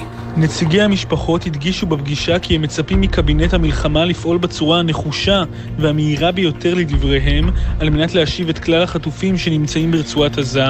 גנץ השיב להם, אנחנו נערכים למערכה ארוכה, החזרת כלל החטופים והנעדרים היא אחת ממטרות המבצע. בפגישה נכחה גם קרן שם, אמה של מי השם, שאמש החמאס פרסם תיעוד שלה מהשבי ברצועת עזה. משרד החינוך מעדכן כי בהתאם להנחיות פיקוד העורף ניתן לחדש את פעילות הצהרונים כפוף למדרג ההתגוננות וביישובים בהם ניתן לקיים לימודים. כתבתנו לענייני חינוך יובל מילר מזכירה כי ניתן ללמוד בכיתות ללא הגבלה באזורים כמו אילת, הערבה, ים המלח. בשרון, בשפלה, בירושלים ובחלק מאזורי הצפון ניתן לקיים לימודים במרחבים מוגנים בלבד. ביישובי הדרום והעוטף לא ניתן לקיים לימודים בכיתות. מזג האוויר למחר מעונן חלקית, בצפון ולאורך מישור החוף ייתכן גשם מקומי ברובו קל. לעדכונים נוספים חפשו את גלי צה"ל בטוויטר. אלה החדשות בצוות אילי זילברברג, ברק בטש וגלעד הראל.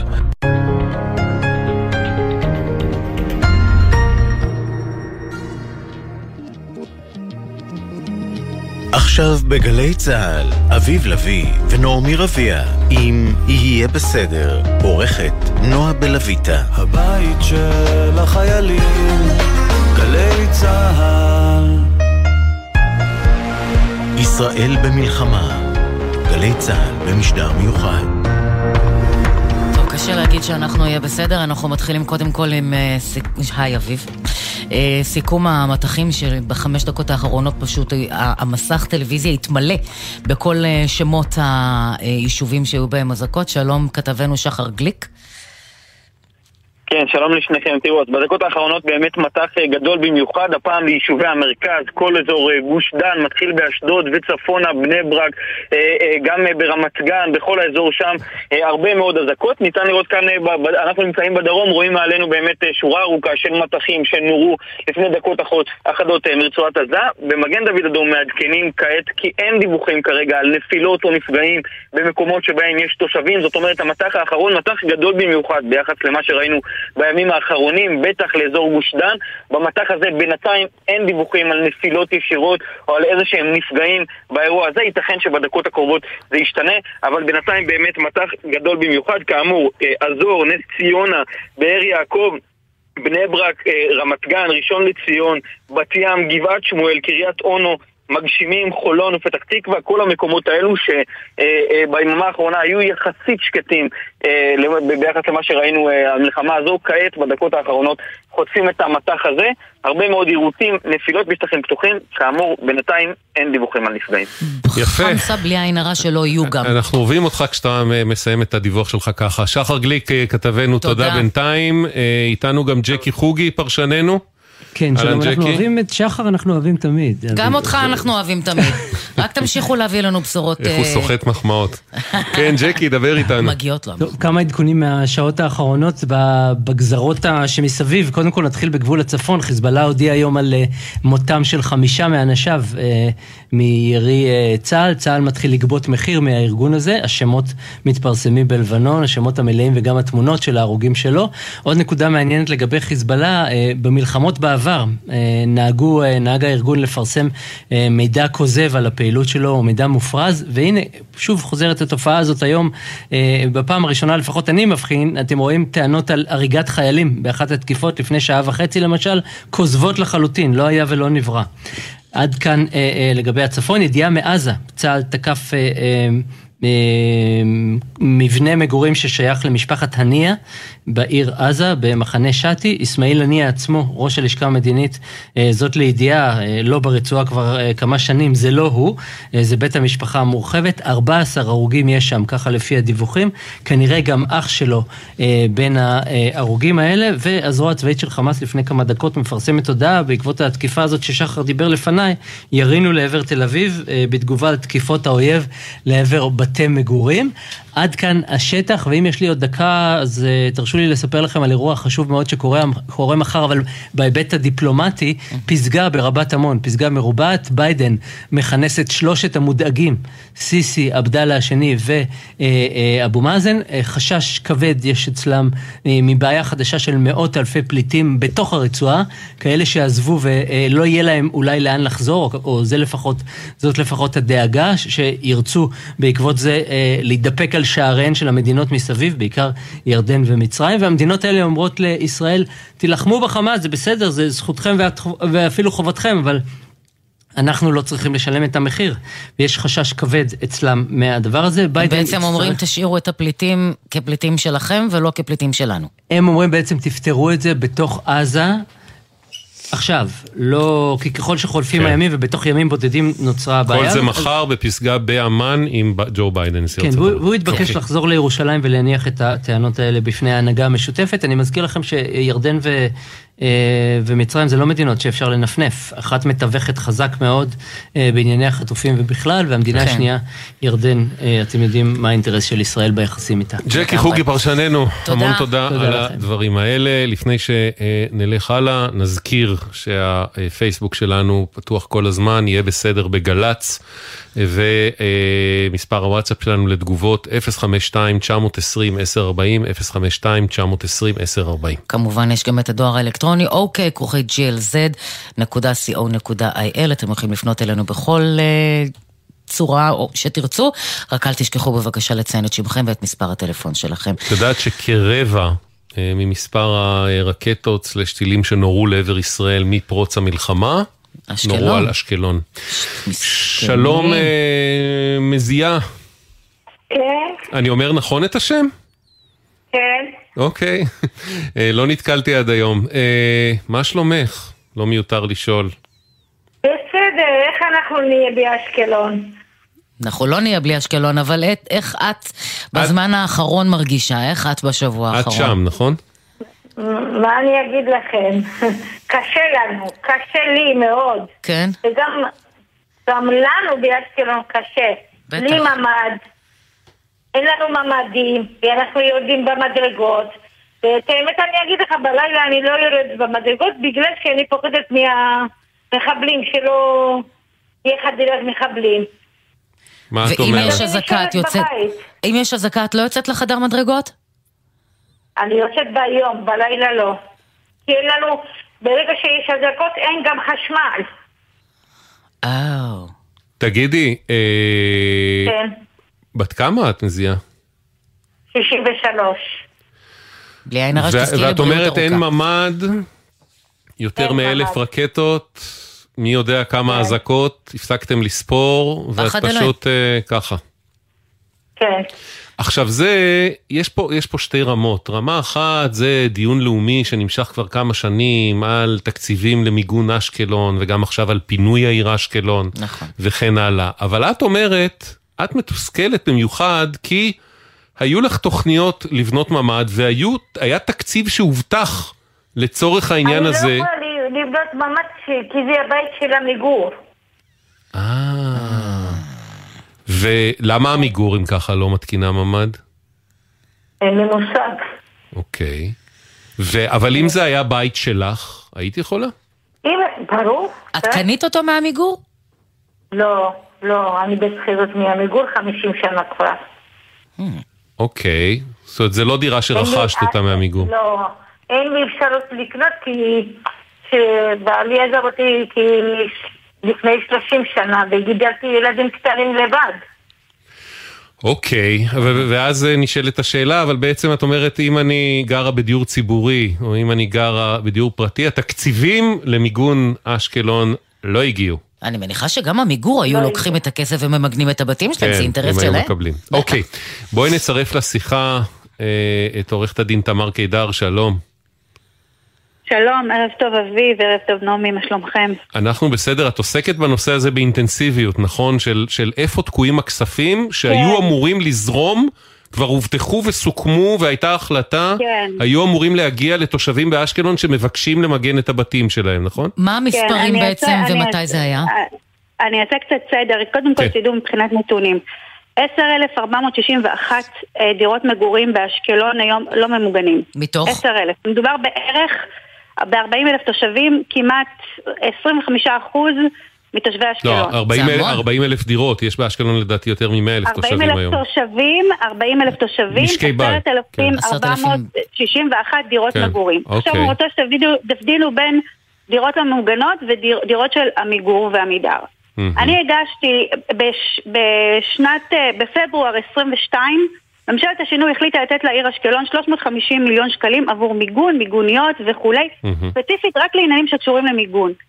היא לא יישמה את ההחלטה, אני פניתי אליה מיד אחרי מבצע עלות השחר ב-8.8.22, פניתי בבקשה תיישמי, לא יישמו, אה, נבחרה ממשלת נתניהו הנוכחית, פניתי גם אליהם, לא יישמו את ההחלטה, לא העבירו שקל עבור מיגון. כלומר, יש החלטה, אין ביצוע בפועל. הגשתי ולא לא יישמו. עכשיו, אני הגשתי עתירה לבג"ץ בדצמבר 22, וביקשתי לחייב את ממשלת ישראל למגן את התושבים באשקלון להעביר את הכסף.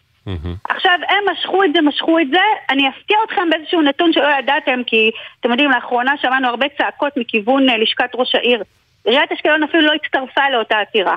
אנחנו צירפנו אותה בכוח, כדי שהיא תבוא ותגיד מה בדיוק היא עשתה ומה היא בדיוק פעלה, כדי לקדם את הנושא של המיגון, ובכוח צירפנו אותה כמשיבה. עכשיו, ב- רק ביולי השנה הודיעה ממשלת ישראל בתגובה לעתירה שלי לבג"ץ עבור התוש- התושבים, היא הודיעה שהיא מוכנה לתת את התקציב בשביל 22-23, כי זה אמור לי להתקבל במשך שנים. כן. סך הכל אה, עבור דירות פרטיות, עבור דירות, בערך למעלה מ-100 מיליון שקל, בערך 100 מיליון אגב, שקל. התקציב הזה באמת, היה אמור, שנייה, עורכת הדין קידר, התקציב היה אמור להתממש באופן שכל מי שמעוניין, שיש לו בית פרטי ומעוניין לבנות ממ"ד. יגיש בקשה, כן. ואם הוא עומד בקריטריונים, הוא יקבל כן, כסף. כן, זה לא שהממשלה כן. נכנסת אליך הביתה ובונה לך לא, לא, ממ"ד. לא, לא הממשלה אוקיי. בונה לך. את- עכשיו, אני רוצה שתבינו... ואז אנשים התחילו להגיש שמחתי. בקשות, התחילו אבל אין להגיש את כסף. הבקשות, מהמם. התחילו להגיש את הבקשות, עכשיו כשאני ראיתי מה טוב, הצלחתי בבג"ץ, פניתי למשרד השיכון ואמרתי, תקשיבו, אתם נתתם קריטריונים שמדברים רק על בעלי דירות, בואו תיתנו גם לדיירים שלכם בשיכון הציבורי, בדיור הציבורי. בדיור הציבורי, כן. תנו להם לדיירים של עמיגור ועמידר, אתם, זה דירות שלכם, תבנו להם את אותם ממ"דים. לא התקבל עד היום תשובה. אני פניתי כבר ביולי 23. 23. עכשיו, מה קרה? במשך החודש הזה בינתיים מגישים בקשות, אנשים מתחילים, שמחנו, התלהבנו, התח- התחילו להגיש בקשות, פתאום עצרו את זה. ואני אומרת לכם, עצרו את זה ממ- ממניע- ממניעים פוליטיים גרידא. מה זאת אומרת? במשך חודש, אני אסביר, ב-30 לשביעי, בא גם ראש העיר הנוכחי וראש הממשלה ושר האוצר יצאו במין איזה מין מסיבת עיתונאים מתלהבת, תיקחו, תראו, אנחנו נותנים לכם, עכשיו 850 מיליון שקל, שימו לב מה הם עשו. ה-250 מיליון הנותרים שהיינו צריכים לקבל לפי החלטת ממשלת שינוי, הם לקחו וזרקו את זה על דברים אחרים לחלוטין, לא למיגון. לא למיגון. חינוך, תשתיות, תחבורה ציבורית, you name it. לא יודעת מה, לא למיגון. ומה הם עוד אמרו? שהם נותנים עוד 600 מיליון, אבל שימו לב מתי הם מתחילים ליישם את ה-600 מיליון עבור התחדשות עירונית, מ-25 עד 31. זאת אומרת, תושבי אשקלון היינו צריכים לחכות מיולי עד, אה, אה, עד אה, שנת 2031 כדי מה? כדי שיעשו התחדשות עירונית ויעשו ממ"דים בעיר אשקלון? עכשיו מדברת על התחדשות עירונית, זה בעצם מ- פינוי-בינוי, נכון? זה בעצם אומרים להם, פינוי-בינוי. עכשיו תקשיבו, זה לא תחכו. חמש-שש שנים לפחות, עד שיהיה תחכו לכם. שבע שנים, שבע שנים. עכשיו אני אמרתי, לא רק שלא הרחיבו את ההחלטה, לא הרחיבו את ההחלטה והוסיפו את האנשים בדיור הציבורי, אלא פשוט עצרו הכל ואנשים לא, לא, לא יכלו יותר להגיש בקשות. רק חודש אחד, מי שנכנס הייתה לתוך החלטה באיחור מאוד מאוד כן, גדול, התחילו ליישם בג"ץ. אותה ואז תקעו הכל. אחרי הבג"ץ שהצלחתי, ודחו את זה לאחרית הימים. והבאתי את הכסף ועצרו מדהים. את הכל. ומי הראשון שהתגאה שהוא הביא החלטה של 600-850 מיליון על שטויות? ראש העיר שאתמול צעק. תבינו, ראש העיר הזה, אני מאוד מצטערת, אבל במשך שבע שנים לא עשה כלום למען מיגון. תבינו, עוד נתון שאתם לא יודעים. ראש העיר הזה קיבל עכשיו, באותו יום שהם יצאו בהכר...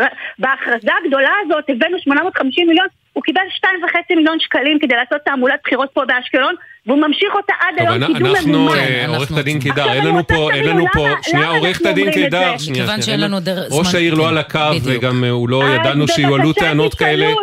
אז תשאלו אותו, אני אגיד לכם למה. עורכת הדין קידר, עורכת הדין קידר, שנייה, מכיוון שהוא לא על הקו ולא ידענו שיועלו נגדו טענות כה קשות, לא ביקשנו את תגובתו לדברים, אז בואי...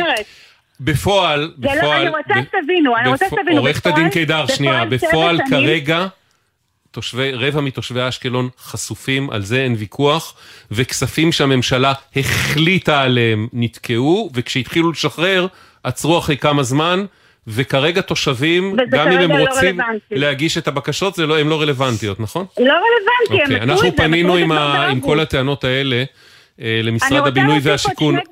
עוד שנייה, בואי, רגע נשמע את תגובת משרד הבינוי והשיכון. תוכניות המיגון לאשקלון יכולות להשתנות בימים הקרובים בשל דיוני הממשלה בנושאים אלו. יישומה של החלטה 852 לחיזוק אשקלון החל, כאשר מענק מיגון יינתן לצמודי קרקע או דירות בבנייה רוויה, שאינם נכללים בפרויקט, בפרויקטי התחדשות עירונית. בהתאם להחלטת ממשלה שהתקבלה ביולי, הרשות הממשלתית להתחדשות עירונית פרסמה מכרז לקבלת מענק עבור מיזמי פינוי-בינוי. המיזמים כוללים ממ"ד ויתוקצבו ב-600 מיליון ש"ח עד שנת 2031. כן, אבל כל שזה... מה שיעשו עכשיו, זה כבר לא רלוונטי נכון, לעכשיו. נכון. עורכת הדין קידר, משפט סיום? כן, תקשיבו, אני אגיד לכם מה יותר חשוב. אני נלחמתי כל כך הרבה בשביל מיגון לעיר אשקלון, אני אומרת כבר, זה לא רלוונטי, האנשים האלה כבר פה לא יקבלו כבר את המיגון. העיר שלנו כל כך הותקפה לאורך כל כך הרבה שנים. מה שצריך היום לעשות לעיר אשקלון זה לקדם אותה, לשקם אותה לא פחות מה, מהעוטף. צריך להביא לפה עסקים, צריך להביא לפה הטבות מס, okay. צריך אוקיי. להביא לפה קרן פיצויים, שאנשים שנפגעו עורכת הדין תמר קידר, קודם צריך, צריך שאשקלון תעבור בשלום את המלחמה הזאת, אמן, אמן, ואז אמן, אמן. נכון, אולי מישהו יתחיל לעשות את כל הדברים שהיה צריך לעשות המון שנים אחורה. תודה רבה לך, מזיאת, עוד איתנו? כן. תגידי, חשבת בכל זאת אולי, למרות שכרגע עדיין אין פינוי ממשלתי באופן מאוד מקומם, לעזוב לאיזה תקופה למקום יותר רגוע? לפחות לזמן מה? זה אפשרות? לא, אני, אני לא יכולה לעזוב לא בגלל יכולה? שהילדים שלי פה. Mm, אוקיי. אז אני לא, לא אלך באיזה מקום ואני אשאיר ילדים פה. אוקיי. כל טוב, מה שתמר קידה דיברה, כן. היא צודקת במאה אחוז. כן. היא בשבילי כלום. אבל היא באה לקראת תושבים. כן. מזיעה, אנחנו... אף אחד לא דפק אצלנו בדלת, ראש העיר אפילו לא, לא, לא הודיע, אם אתם רוצים, אנחנו נפנה אתכם, אנחנו ניקח אתכם באיזה מקום. כן. למה, אנחנו פחות משדרות ומעוטף עזה? אנחנו השאריות? לא הבנתי. אנחנו איתך לגמרי. שאלה טובה שאלת. שמרי על עצמך. מחזיקים לך אצבעות, שמרי על עצמך, נחשוב עלייך בקול אזעקה עכשיו, מעכשיו באשקלון. מזיעה, תודה רבה שהיית איתנו. תודה לכם, תודה. ותודה רבה לעורכת הדין קידר, ואנחנו נמשיך לעקוב אחרי הדבר הזה, למרות שהוא... לפחות ברמה המיידית עניין ממ"דים, זה לא משהו שייפתר תוך כדי נכון, נכון. אה, מלחמה, נקווה לפחות שאחרי זה. כן, היא הזכירה את שדרות, אז אנחנו אומרים שלום לכתבנו בדרום רמי שני. שלום לשניכם. ברשותכם, לפני הדיווח על שדרות, אני מוכרח לספר לכם שלפני כשלושה שבועות טיפלתי בנושא הזה, וגם הפניתי שאלה למשרד השיכון. בנושא של אשקלון, רמי, אתה מתכוון. של הממ"דים באשקלון? כן, בדיוק. זה לא, לא סתם ממ"דים באשקלון, הבעיה היא הרבה יותר חמורה, משום שמדובר על דירות של הדיור הציבורי. כן. שמי שבעצם הבעלים שלהם זה אתם ואני. כן. כן, זה המדינה, זה מס... באמצעות משרד השיכון, והוא מפעיל אותם באמצעות, אה, כלומר, הוא מפעיל את באמצעות ה... באמצעות חברות כן. משכנות, עמידר, במקרה הזה עמיגור, כן. זה נכון, mm-hmm. אז מי שבכלל צריך, צריך, הראשון היה להסתער על הדברים האלה, זה בעיניי, זה היה משרד השיכון. נכון. אה, ולבוא היום בסוג של טענות, זה, איך אמרת אביב, זה קצת מאוחר מדי, אה, ואולי לפעם הבאה, בתקווה שלא תהיה. כן. עכשיו, רק במאמר מוסגר אגיד, זה גם באשקלון, אבל זה נכון גם בנתיבות, mm-hmm. וזה נכון גם באופקים. בכל מקום שיש דיור ציבורי שאין בו ממ"ד, זה נכון, לצערנו הרב. כן. עכשיו, ניגש לרקטות, ברשותכם, שהן גם נכונות לצערנו הרב. כן. אז במהלך אחר הצהריים היו מספר נפילות אה, אה, בשדרות. יש אה, רק נזקים, אין נפגעים בגוף, אבל יש אה, נפילות במספר מקומות אה, מאוד משמעותיים, זאת אומרת, יש גם נפילה בבניין מגורים. וואה. אה, כן, שם היה פגיעה במקום ש... שגרם נזק, לפי התמונות אפשר לראות נזק די משמעותי לאחד המבנים שם, היה, והיו גם פגיעות בשטחים שהם, איך נקרא לזה, לא מבונים, אבל אה, בסביבת בתים, מגרשי חנייה וכאלה, ואז יש נזק גם, לבת... גם לכלי רכב שחנו בהם. כן. אתה- אתה אומר, אה, אחר הצהריים הזה בשדרות אה, אה, סיפק הרבה- עוד הרבה עבודה למס רכוש לתקופה הקרובה. לא רק למס. רכוש, גם, ללוחמ, גם ללוחמי אש ו... אה, וגם ל- אבל אין ל- נפגעים, ליחידות אין. נפגעים פיזית. זהו, אין, אין נפגעים, אוקיי. העיר, מרבית התושבים יצאו מהעיר ואני מקפיד להשתמש בתואר הזה, יצאו מהעיר, לא עזבו את העיר ולא התפנו מהעיר, הם פשוט יצאו ל- ל- להפוגות. ברור. רמי שני. כתבנו. אה, ואתה באופן. כללי, שמור על עצמך, עשה לנו טובה, בסדר? יש לי בעיה עם העצמך הזה, הוא בורח לי כל הזמן. תודה, רבי. עצמך עסוק בלהציל אחרים. כן, יותר תבורך. מדי, אה, ופחות מדי בלדאוג לעצמו. רמי, תודה. תודה. אה, נמשיך להתעדכן דרכך, ואנחנו אומרים שלום לעמיחי. שלום, שלום, נעים מאוד. המלחמה הזאת, חיכית שיביאו לך את הצו שמונה. המלחמה הזאת התחילה, מצאת את עצמך במצב מוזר ומתסכל, נכון? מאוד, מאוד לנו. מאוד. אתם רוצים שאני אספר? בוודאי. אה, אני שירתתי במשטרת ישראל וסיימתי לשרת בחודש מאי 2022. כשהגעתי לסיום השירות, חתמתי על טופס שאני מעוניין לחזור לשירות מילואים פעיל בצבא, כמו כל אזרח אחר במדינת ישראל. רגע, את אה, השירות כמו- הצבאי עשית אז ב... את השירות הצבאי עשיתי בגבעתי שלוש אוקיי. שנים, לוחם, מפקד, השתחררתי מהצבא, התגייסתי להיות שוטר. אוקיי. אה, הת- אה, התחילה, אה, ב- עד אמצע 2022 הייתי שוטר, ועכשיו אנחנו ב-2023. לא פנו אליי, ואמרתי, טוב, נחכה לקראת סוף שנה, אולי יפנו אליי, אנחנו עוד לא סיימנו את שנת 2023, ופתאום הגיעה המלחמה הזאתי, ופשוט אני מתקשר למדור מילואים ולא מבין מהשמיני, מהשיחה הראשונה בשמיני לאוקטובר, יום ראשון של אחרי תחילת המבצע, המלחמה הזאת, ואני מוצא את עצמי מוגדר כשוטר במערכת. ואני אומר להם, חבר'ה, אני אדם. פרופיל 97, בחור בן 27, צעיר, מה שנקרא כוח אה, בידיים עדיין, ואני לא מבין למה לא נותנים לי צו 8. אני רוצה לקבל צו 8, כל החברים שלי, אח שלי בחזית, כולם נמצאים, ורק אני יושב בבית, רואה טלוויזיה, כאילו אני אה, בן אדם אה, לא כשיר או משהו כזה. עכשיו, אתה כבר לי, "כן, קיבלת את בטיפול, זה האישור בטיפול." שלך, אתה כבר קיבלת לפני שנה את האישור שבו אתה עובר משירות, בגלל שסיימת את עבודתך במשטרה, שאתה עובר לעשות שירות מילואים בצה"ל. אז אתה לא מבין, לא, אז מה אני קרה פה? חתמתי על טופס כזה. אוקיי. חתמתי על טופס. Mm. מה, אני משער שקרה או מה קרה בפועל? מה, מה... אנחנו משערים שחתמת על טופס, אבל הוא לא נקלט במערכת, ובעצם נשארת, נשארת שוטר בלי להיות שוטר. ו- ו- אה, ונשארת מילואימניק של גבעתי רק בתיאוריה, אבל לא במעשה. בדיוק, אז אה, זה מה שקרה. פרסמתי המון פוסטים בפייסבוק של אנשים שינסו לעזור לי בכל מיני דרכים, כולל בקבוצת אבא פגום, ו... והתקשרה אליי אה, אתמול. אתה עוד לא אבא, אבל נכון? אני אבא לשלושה ילדים, ויש לי אישה בבית שתמכה בי לאורך כל הדרך. יואו. והיא ראתה שאני כמו אריה בתוך כלוב, אם- אם- שאני אם אלך. בגילך אתה אבא לשלושה ילדים, אני לא חושבת שאתה יכול להכניס את עצמך תחת הקטגוריה של אבא פגום, אבל אה, אוקיי. טוב, על זה אפשר- על זה אפשר לדון בהמשך, אבל אה, כן. בקיצור התקשרה אליי, אם אפשר לומר, לא אכפת לי, כי זה מאוד ישמח אותי לפרגן לה, לשירה. אה, התקשרה אליי אתמול ואמרה לי, אני אטפל בזה, ובעצם המ"פ שב-2019, כשניסו לקלוט אותי, כאילו שלפני שהתגייסתי למשטרה וניסו לקלוט אותי למילואים, אה, פניתי אליו, תוך כדי, אמרתי לו, תשמע, אולי תנסה לעזור לי, והוא כמובן פה בכל הבלגן, ויש המון המון אה, עומס, ופ- ושירה אמרה לי, תשמע, אני אדאג שיחזירו אותך לאן שאתה, לאן שאתה מיועד. שירה שלנו, אתה מתכוון. כן, כן, כן, כן. שירה שלכם. אוקיי. והיום בשעה 12 מתקשר אליי השליש של הגדוד ואומר לי, עמיחי, תגיע לדרום, לא אחשוף איפה, תגיע, אתה זהו, יש צו שמונה. ככה, פתאום כשאתם התערבתם, הכל פתאום מסתדר בשנייה, פתאום אין בירוקרטיה, ו... והתקשרתי, אני רוצה לציין, אני חושב כמעט 20 שיחות למדור מילואים ברמה שכבר אמרו לי אל תתקשר יותר. וואו. אנחנו נחזור אליך. אמרתי להם, חבר'ה, כן. אני, אני רוצה, אני רוצה, אני רוצה, אני לא בן אדם, אני לא ילד בן, אה, אני לא ילד שכאילו מתלהב. אני אבא לשלושה ילדים, אני הולך בידיעה למה אני הולך. תנו לי ללכת, אני כשיר, אני רוצה להיות חלק. לא הגיוני שאני שבע שנים, מצבא שלוש שנים ועוד ארבע שנים שנייה, עמיחי, צבע ביטחון. אדום, ביצרון, גן הדרום, גן יבנה, כפר אביב, כרם ביבנה, מבקיעים קבוצת יבנה. כן, בבקשה, גדרות עמיחי. ואשדוד.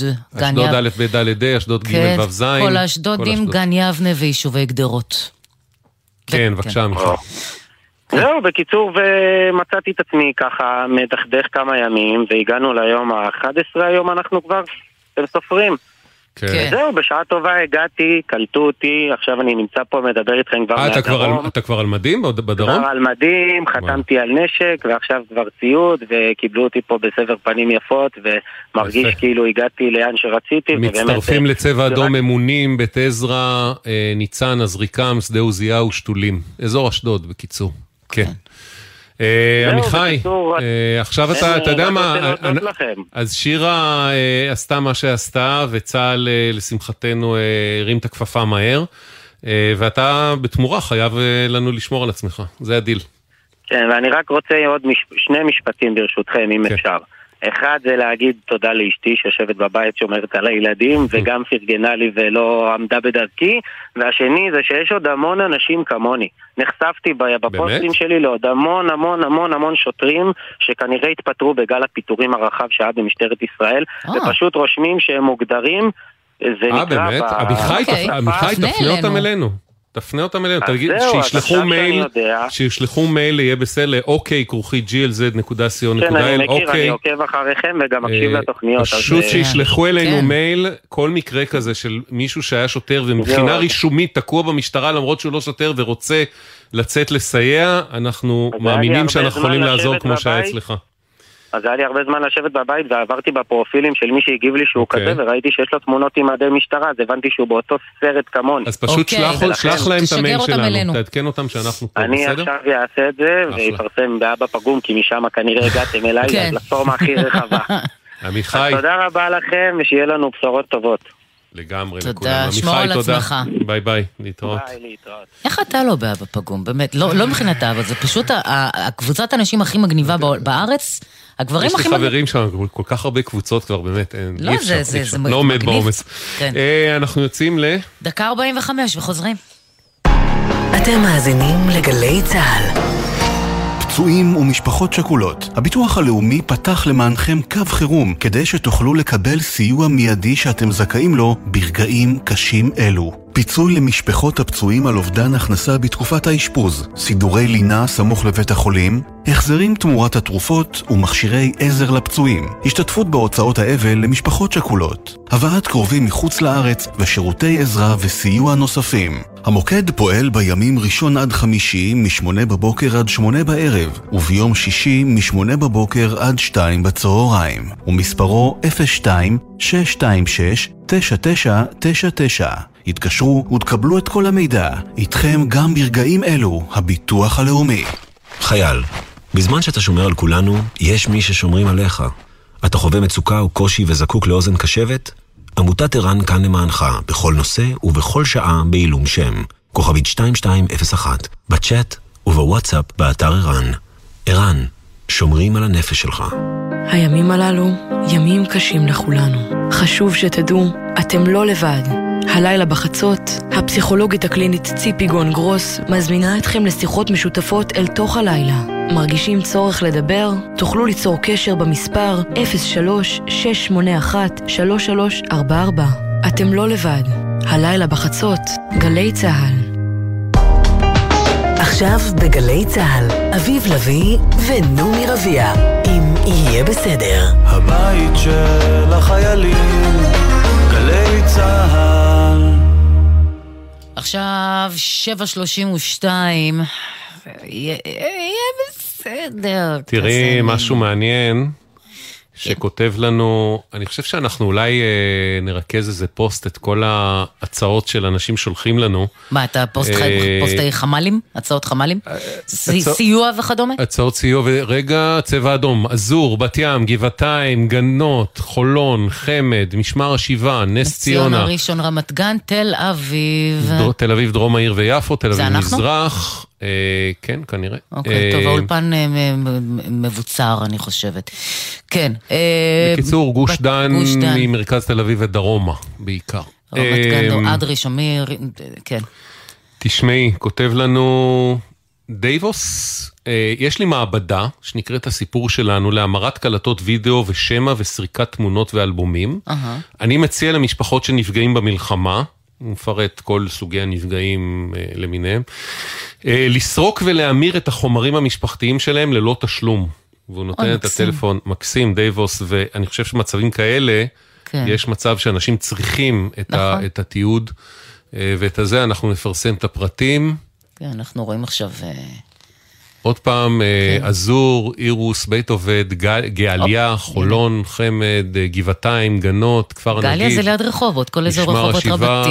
כן, אזור הבית שלך, עיינות, קצת אה, רחוק, כן, אבל הנה, אנחנו רואים את התמונות של רחובות, רמת גן מערב, תל אביב, דרום העיר ויפו. וואי כן. וואי, זה חתיכת מטח. הצבעים האדומים נכון לשניות אלה. אה, יהיה בסדר בגל"צ, זה דף פייסבוק שלנו, יהיה בסדר בגל"צ או בסדר נקודה GLZ, אה, הוואטסאפ שלנו 052-920-1040, 052-920-1040. דואר אלקטרוני אוקיי, כרוכית glz.co.il, כתבו לנו, ואל תשכחו לציין את שמכם ואת מספר הטלפון שלכם. ועכשיו אנחנו רוצים להגיד שלום לנועם מעמותת סיירת נחל. אהלן. אהלן נועם, מהי עמותת סיירת נחל? אה, זוהי עמותה שנקראת אה, מגני הינשוף. אנחנו בעצם אה, עמותה של בוגרי היחידה של פלסר נחל. ובימים האלה אנחנו מגייסים תרומות, יש לנו גם קמפיין די נרחב ב-J גיב. אנחנו בקשר עם הלוחמים שלנו בשטח, כל בוגרי היחידה בעצם. ומנסים לעזור להם בכל הדרכים שהם צריכים. בין אם זה ציוד לחימה, אוכל, דגלי ישראל, כל מה שהם מבקשים מאיתנו אנחנו נענים. פתחנו חמ"ל אה, די גדול של אה, מתנדבים מכל רחבי הארץ, כולם בוגרי היחידה. אה, אז אנחנו מגייסים תרומות, מגייסים ציוד, מעבירים אליהם לפי הצרכים ש... שהם מעלים בפנינו. אנחנו כרגע בקשר עם באזור ה-14 פלוגות שונות ברחבי הארץ. או-הו. וה, והסוגיה שאתם מבקשים להציף אה, כאן ומולנו, סוגיה ששמענו עליה לצערנו הרבה בימים האחרונים, היא בדיבור מאוד חזק, בעיקר בקרב חיילי מילואים, נכון? אה, סוגיית האפודים הקרמיים, סיירת נחל בלי אפודים קרמיים? אז אני חייב רגע להדגיש, כן. אנחנו פועלים אה, רק מול אה, חיילי המילואים. כן, כן. אה, לא מול החבר'ה הסדירים. ברור. אה, כן. אה, כן, תראו, אני אהיה כנה, בכמה ימים האחרונים יש אה, טפטופים של ציוד אה, שמגיע הצבא, וכמו שאנחנו רואים בתקשורת, אז אה, כן, זה נהיה נושא נורא חם, כל עניין הקרמים. בעצם מהרגע שהתחלנו לקבל בקשות במסות מאוד גדולות, הבנו שיש פה משהו, ובעצם כרגע ציוד בארץ אה, נורא קשה להשיג, אם הוא קיים בכלל, זה לא רק, אה, לא מדבר רק על אה, נושא של ציוד לחימה, זה אפילו מגיע לדברים הקטנים ביותר, כמו, לא יודע, פנסי ראש גשם, וכדומה, או כן. פנסי ראש, כן, הכל, הכל פשוט נגמר. אה, אז אנחנו בקשר כל היום מתקשרים לספקים, מה שמצליחים לקושש, קונים ומעבירים. אה, אני כן יודע שבימים האחרונים יש טפטופים שהצבא מעביר. אה, אתה, אתה אומר טפטופים, אני מזהה פה איזה פער בין המילה טפטופים לבין הדברים שאומר דובר צה"ל בתדריך היומי, שהוא אומר, כמעט כל יום הוא חוזר על זה, אה, יש הכל שיש ויש הכל, ומדי יום אנחנו מכשירים וחותמים אה, על אלפי אפודים קרמיים ומעיפים אותם אל השטח, אל היחידות. אתה אומר, במקרה שלנו, מקסימום זה טפטופים, כלומר יש פה איזה פער, נכון? כן, יש פה, יש פה איזה פער מסוים. תראה, מצד אחד אה, אנחנו לא, לא אה, רוצים אה, לזלזל או משהו כזה, יש פה גיוס מאוד נרחב, שמן הסתם אף אחד לא היה מוכן לזה, וזה מערכת לוגיסטית מאוד אה, מורכבת אה, לטפל בה. אה, אבל אנחנו פשוט יודעים מה, מה קורה בעצם בשטח. אני לא יכול לדעת מה קורה למעלה. אה, אנחנו יודעים שהיה לנו המון אה, ניסיונות, בין אם זה תורמים מקסימים שהיו מוכנים לשלם על הכל מאלף עד תף. פשוט הבנו שאנחנו לא יכולים להכניס ציוד כזה לארץ בלי אישורים מסודרים. כן. אנחנו יודעים שכאילו צה"ל עובד, עובד על הכל, ואנחנו גם רוצים שכמובן הכל יהיה תקני ובטיחותי ולא לסכן אף אחד. אבל כן, כאילו בגדול, גם אם מגיעים דברים, אז הם לא הדברים הכי, בוא, נגיד, בוא נקרא לזה, לא יודע אם להגיד מתקדמים או איך לקרוא לזה, אבל בסוף הציוד עצמו הוא לא איך שהיינו רוצים לראות את החיילים שלנו. זה, זה, מה, זה, זה ציוד מיושן? זה ציוד אה, חסר? איך היית מגדיר אותו? השתל לא הייתה, לא הייתה אף פעם... ציוד חסר, נכון? לא היה אף פעם גיוס בסדר גודל כזה בשנים האחרונות, שפשוט אין מספיק לא, אבל אני מסתכל על החייל, החייל הספציפי, המתחה, המילואימניק. הוא שהוא מקבל ציוד, או שחברים שלך מסתובבים עכשיו בשטח, ואתה מסתכל עליהם והם מסבירים לך מה יש עליהם. זה, זה לא מספיק, אתה אומר. זה בעיקר, זה בעיקר ציוד מיושן, יש גם חוסרים של אין בכלל, אבל זה בעיקר ציוד, ציוד מיושן או חוסר באפוד קרמי, שזה כאילו א' ב' של לחימה לדעתי, שהחייל יהיה ממוגן. ברור. אז אני יודע שכרגע הצבא סיפק סוג של אפודים כאלה, שהם כאילו בלי הפאוצ'ים של המחסניות, מה שאומר שהוא צריך לשים את ה... קרמי ועליו את האפוד, הופך את זה ליותר מסורבל, אפודים עם uh, מימיות משנות ה... לא יודע כמה. Mm-hmm. Um, שוב פעם, כאילו זה מן הסתם, אני יודע שיש פה uh, מאמץ, uh, זה, זה, לא, זה לא רק, אנחנו אמנם עמותה אחת, כמונו יש, אני לא יודע להגיד אפילו כמה, ומלא חמ"לים שמנסים לדאוג לכל הפערים האלה. Uh, מן הסתם אבל אנחנו... Uh, קצת מרגישים שכאילו אה, אפשר לייעל פה את העניינים במקום אה, להציב אה, עוד ועוד חסמים, לנסות להבין איך אפשר לייעל את השיתוף פעולה הזה. ואני מניח שאתם מרגישים שאתם במרוץ נגד הזמן, ככל שהכניסה הקרקעית, אם תהיה, שנמצאת על השולחן, אתם אומרים, אנחנו לא רוצים שהחברים שלנו ישתתפו בפעולה בלי שהם ממוגנים במקסימום האפשרי, נכון? ברור, ברור. תראה, מן הסתם גם בגלל אה, ביטחון מידע אנחנו משתדלים mm-hmm. כמה שפחות אה, לשאול דברים כאלה, כן. אה, את החבר'ה בשטח. כן. אבל אה, כן, יש פה עניין של זמן. גם אה, אני בסופו של דבר, בגלל הדברים האלה, כשאני מדבר עם החבר'ה, אה, אני נורא מבקש מהם לנסות להציף כאילו מה, מה הכי דחוף, מה הכי קריטי, אה, כי אנחנו לא יודעים מה, מה הולך לקרות בעצם. Mm-hmm. ולפי זה אנחנו מה שנקרא רצים, אבל כן, אנחנו מרגישים את הלחץ אה, מלמטה שמופעל עלינו כדי להביא את הציוד, כן. ואנחנו פשוט מנסים אה, בכל דרך אפשרית לעשות את זה כמה שיותר מהר. אוקיי, נועם מעמותת סיירת נחל, המון תודה תישאר, על הדברים האלה, תישאר איתנו. מי שמאזין לך בסבלנות הוא ראש חטיבת לוגיסטיקה בצה"ל, תת-אלוף אלי עזר, שלום לך. אהלן, ערב טוב, מה שלומכם? אנחנו בסדר, ואתה מן הסתם מכיר את דיון האפודים הקרמיים שמתנהל במלוא עוזו בימים האחרונים. בוא תסביר לנו, אה, וגם לחברים של נועם, מעמותת סיירת הנחל, איפה הדברים עומדים, למה נדמה לפחות אה, לחיילים שהם מתנהלים לאט ולא מגיעים אל השטח, אה, לחלקם לפחות. אז קודם כל אני אתחיל בזה שאני משתתף באמת בצער המשפחות ומקווה שבקרוב מאוד גם יחזרו כל השבויים למדינת ישראל. אני מבין על מה נוער, על מה נוער מדבר וגם אליי מגיעות uh, מיליוני פניות ביום. Mm-hmm. אנחנו פועלים באחריות, אמרה את זה זאת שיושבת לידך כרגע. נעמי, כן. אנחנו לא זוכרים, אנחנו לא זוכרים כאלה היקפים של גיוס uh, בצה"ל, לפחות מאז מלחמת יום הכיפורים.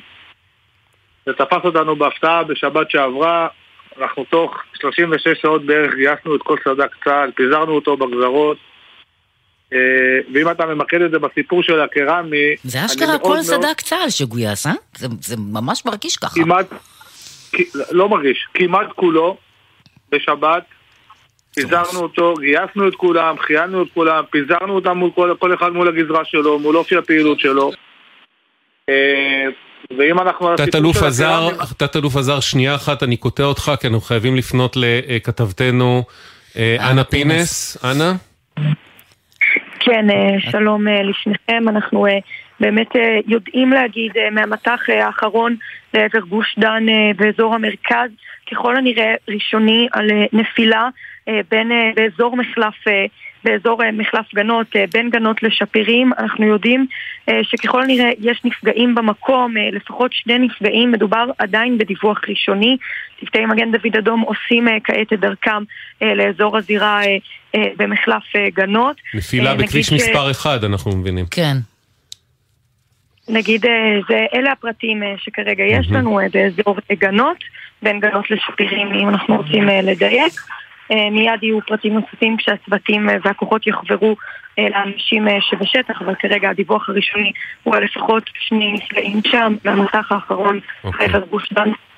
אנא תודה, חזרי אלינו כמובן ברגע שיהיו פרטים נוספים, ואנחנו גם מנסים להמשיך לברר. שנאמר גם אם זה בשטח פתוח, זה לא אומר שלא יהיו נפגעים.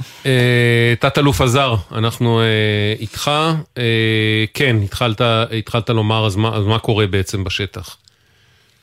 אז מה שקורה זה ככה, אנחנו, אני מאוד מבין את אנשי המילואים, אה, שאנחנו מגייסים אותם ביום שבת בבוקר, בפתע, ואנחנו אומרים להם צו שמונה, ואנחנו אומרים להם שאנחנו נמצאים במלחמה.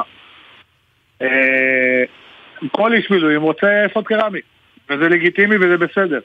אנחנו לא התכוונו שלכל חייל מילואים בצה"ל יהיה אפוד קרמי. אפודים הקרמיים ממול המשימה ומול הפעילות. ויש גם הנחיה של הרמטכ"ל, שלא יהיה חייל שיחצה גדר ללא אפוד קרמי. יש לנו אפודים קרמיים, אנחנו מקצים אותם לחיילים בהתאם למשימות, אנחנו מנהלים את זה ב pool מטכ"לי, אל מול משימה. Okay. אוקיי. וכל חייל שיצטרך לחצות גדר, יהיה עם אפוד קרמי.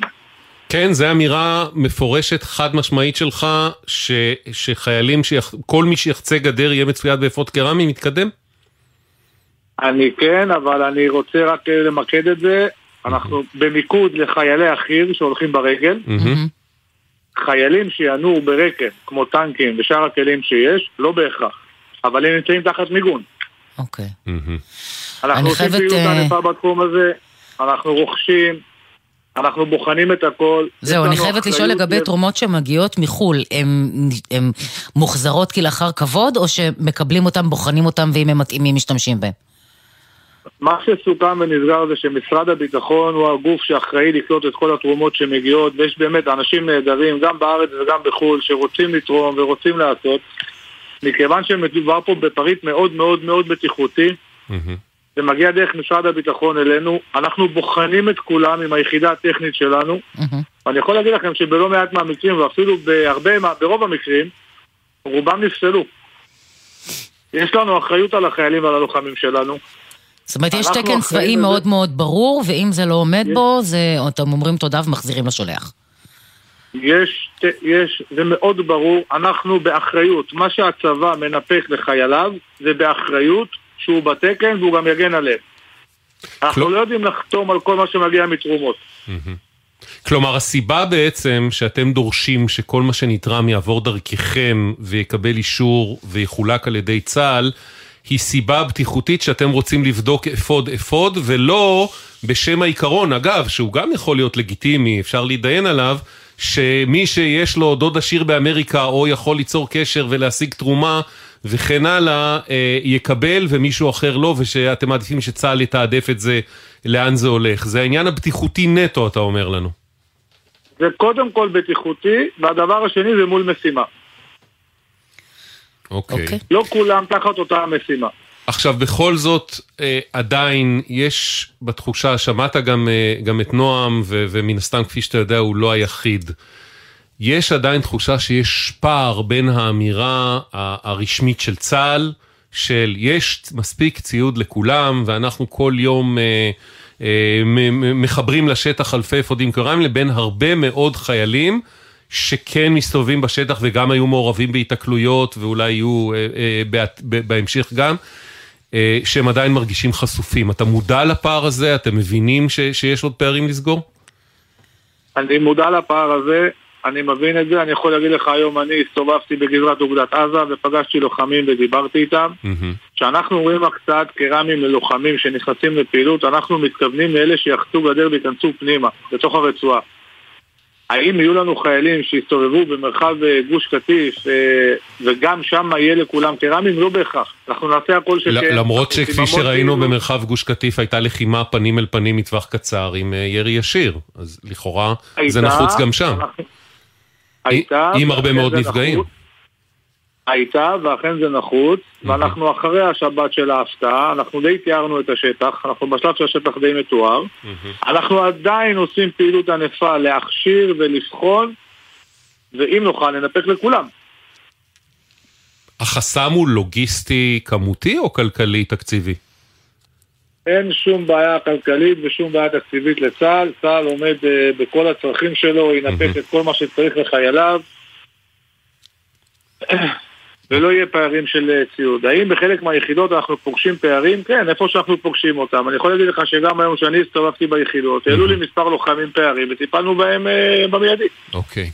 אה, באיזה, באיזה לוח זמנים להערכתך, אה, להערכתך אתם מסיימים את ההצטיידות והאבזור של אפודים קרמיים לכל חייל שאתה, אתם סבורים שהוא צריך להיות עם אפוד קרמי? אני יכול להגיד לך מול תחת ההגדרות שאני אמרתי לך, שחייל כן. שיחצה גדר יהיה עם קרמי, יש לנו מענה לכולם, ואף מעבר לזה. כלומר, אתה כבר לא עכשיו מחליטים... מבחינתך אין פערים. כן. האם הכל נמצא כרגע אצל החיילים ביד? לא. למשל mm. היום קלטנו אספקה מחו"ל, והיא אחרי בחינה, והכל בסדר, ואנחנו מחר נתחיל לחלק, ואנחנו צוברים כל הזמן, אנחנו בוחנים וצוברים. ואנחנו נמשיך לחלק גם כן. אחרי שהחיילים ייכנסו לרצועה. אמן שלא תצטרכו לחלק ושלא נצטרכו לחצות גדר. אוקיי. אמן ואמן. הוא המעשי, אני אה, הרגשית. תת-אלוף אלי עזר, קודם כל הרבה תודה על הדברים האלה, אה, נתת לנו להבין את התמונה. אה, סיכמנו, וזה, וזה מקובל, ואנחנו שומרים על זה שאנחנו לא לוקחים אותך למקרה הפרטי, כי כמו שאתה אומר, אתה מקבל אין סוף פניות כל יום. המון מקרים פרטיים. אבל אם אחרי השיחה הזאת תזכור, סיירת נחל, מילואים, החברים של נועם, אה, ותוכל אה, אה, לראות מה עושים, אז אנחנו מאוד מאוד נשמח. בסדר? תת-אלוף אלי עזר, תודה. הייתי רוצה משפט אחרון רק, באמת, היום הסתובבתי באוגדת עזה, זה הרגעים שאתה רואה את עם ישראל היפה, זה פשוט מחמם את הלב. כן. ומקווה שנשאר בצד הזה. אמן. תודה רבה לך, נועם, אה, מעמותת סיירת נחל. אנחנו ממש מקווים שהחבר'ה שלך... אה, קודם כל שלא יחצו גדר. יצוידו בקרוב, ונהיה בקשר ונעקוב על זה. בסדר? תודה, תודה לכם, ובכלל, לא רק אה, סיירת נחל, שכולם יחזרו בשלום ושנעבור את זה במהרה. אמן ואמן. תודה גם לראש חטיבת לוגיסטיקה, תת-אלוף אלי עזר. נסיים עם משהו אופטימי? אה, חייבים. חייבים. אמר, אמר, אה, אמר תת-אלוף עזר, עם ישראל היפה, שלום עמרי. שלום וברכה. אז תדע שאתה עם ישראל היפה. מה זה קבוצת משקמים את העוטף? קבוצת משקמים את העוטף, אז אני אספר לכם. אה, אני עמרי, אני בן 36, אני בקרן השומרון ואני קבלן. וכמו כולם מאז שזה התחיל, גם אני ישבתי בבית וגם אני הייתי בחוסר אונים וחוסר מודעות למצב. וחשבנו באמת איך אנחנו יכולים לתרום אקסטרה למצב.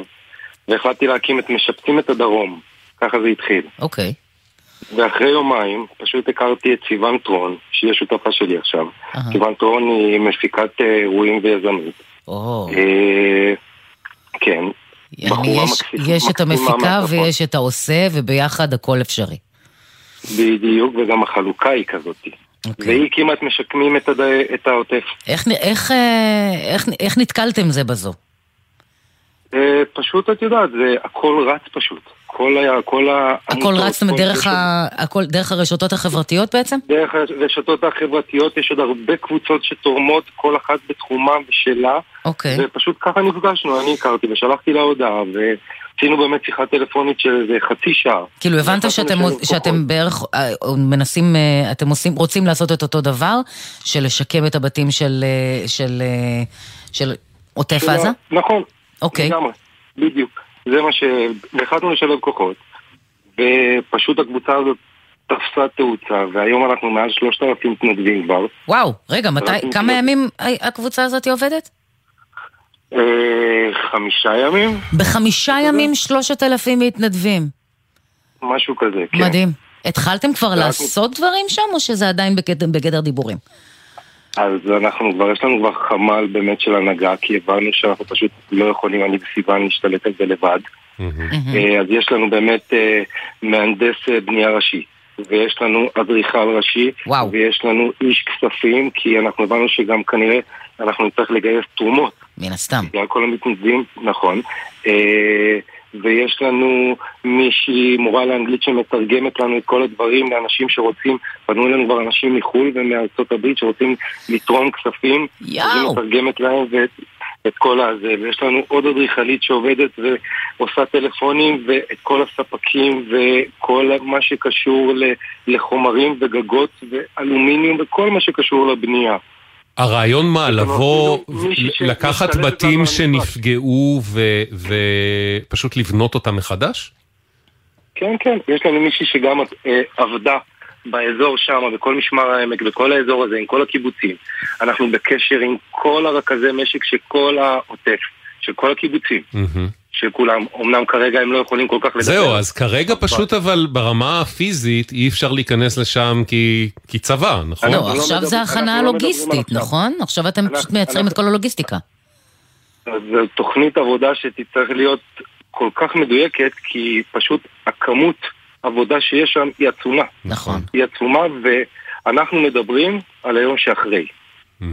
ברגע שנוכל בעצם- להיכנס, אתם כבר התחלתם לפנות אה, ל... ברשתות החברתיות לתושבי העוטף, חבר'ה, אנחנו פה אם אתם צריכים אותנו, או שעוד מוקדם מדי? אה, אנחנו לא פונים לתושבי העוטף, כי גם את יודעת, גם הם במצב נורא רגיש. ברור. אה, אבל אנחנו בקשר עם כל הרכזים של, ה, של הקיבוצים בעצם. אהה, אוקיי. וכולם שמחים, ואנחנו רוצים לעשות את זה ביחד, את יודעת, עם, עם כל המדינה, וכל מי שיכול להתנדב, שיבוא. זה, זה פשוט מיזם שאנחנו פשוט ב, ב, בעוצמה, אנחנו בקשר עם נתיבי איילון אפילו, שהם ימפו לנו את השטח ברמה כזאת. וואו. ויגידו לנו לאן אנחנו יכולים להגיע ולאן לא. כן, יש לנו צילומי אוויר של השטח לפני שנה, מה היה ומה לא. למה נתיבי איילון, איך הם קשורים? כי צריך פשוט למפות את כל אה, השטח. יכ- יכולות מיפוי? אוויר. נכון, איפה אוקיי. אנחנו כן יכולים להיכנס ואיפה לא, כי יש דברים שהמדינה תיקח אותם. כן. זאת אומרת, עכשיו אנחנו בעצם, אם, אם לגשת לרמה הפרקטית, אז קודם כל מוצאים אותך, אתכם ומגיעים אליכם בקבוצת משקמים את העוטף? נכון. ובעצם יכולים לפנות גם מי שרוצים להתנדב, נכון? יש לכם בעצם טופס כזה שכל אחד יכול, צריך למלא יש לנו שאלון שכל כל אחד ממלא. כמה הוא זמין, מה הכישורים. שלו, מה הידע או ההכשרה שלו וכן מאוד. הלאה וכן הלאה, זה נכון מי- מאוד. מי- אה, מישהו שאין לו כלום ועד אה, זה, וגם כמובן תושבי העוטף שרוצים אה, ליצור איתכם קשר ולהתחיל לגלגל דברים. מדהים, עמרי, מנהלת? קבוצת משקמים את העוטף, אה, נהדר, תודה לך, שיהיה. לנו בהצלחה. תודה. ואנחנו, חוזרים אל. כתבתנו אנה פינס אה, כדי? לעדכן. כן, אה, עדכון אה, לתאונה, לפציעה בכביש אחת סמוך לגנות. אנחנו יכולים להגיד שלא מדובר בנפילה, אלא בעקבות האזעקה שנשמעה באזור. אה, יושבי אה, רכב אה, שנסעו שם ניסו לרוץ למרחב מוגן ובטעות סטו לצד הדרך ונפלו, הרכב נפל לתעלה בכביש אחת.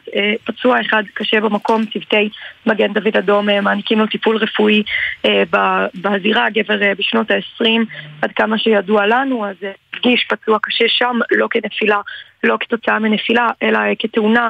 ובאמת זו ההזדמנות להזכיר שגם בהישמע אזעקה אה, יש לנהוג אה, בזהירות, לצאת אה, לצד הרכב, לחפש את המרחב המוגן ביותר בזהירות, אה, ואנחנו אה, כמובן נעדכן אה, פרטים נוספים. הרבה תודה על העדכון. וזה דבר כל כך חשוב, אני כל הזמן אומר את זה לאנשים מסביבי, נסיעה בכביש מהיר באזעקה מסוכן, צריך להיערך ולהתכונן לזה בכל שנייה. כן. אה, טוב, כן. אנחנו מסיימים את השעתיים שלנו, חברים, אתם מוזמנים לפנות אלינו, אנחנו מאוד מקווים שנהיה כאן גם מחר. כמובן שאנחנו מיום ליום, לא לגמרי יודעים מתי כן, מתי לא, אבל מאמינים ומקווים.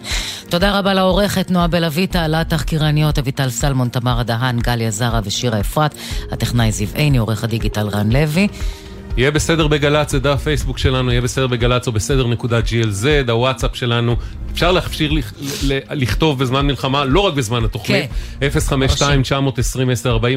052-920-1040. פנו אלינו, אנחנו כאן בשבילכם, בשאיפה גם מחר, שיהיה כן. ערב ולילה שקט.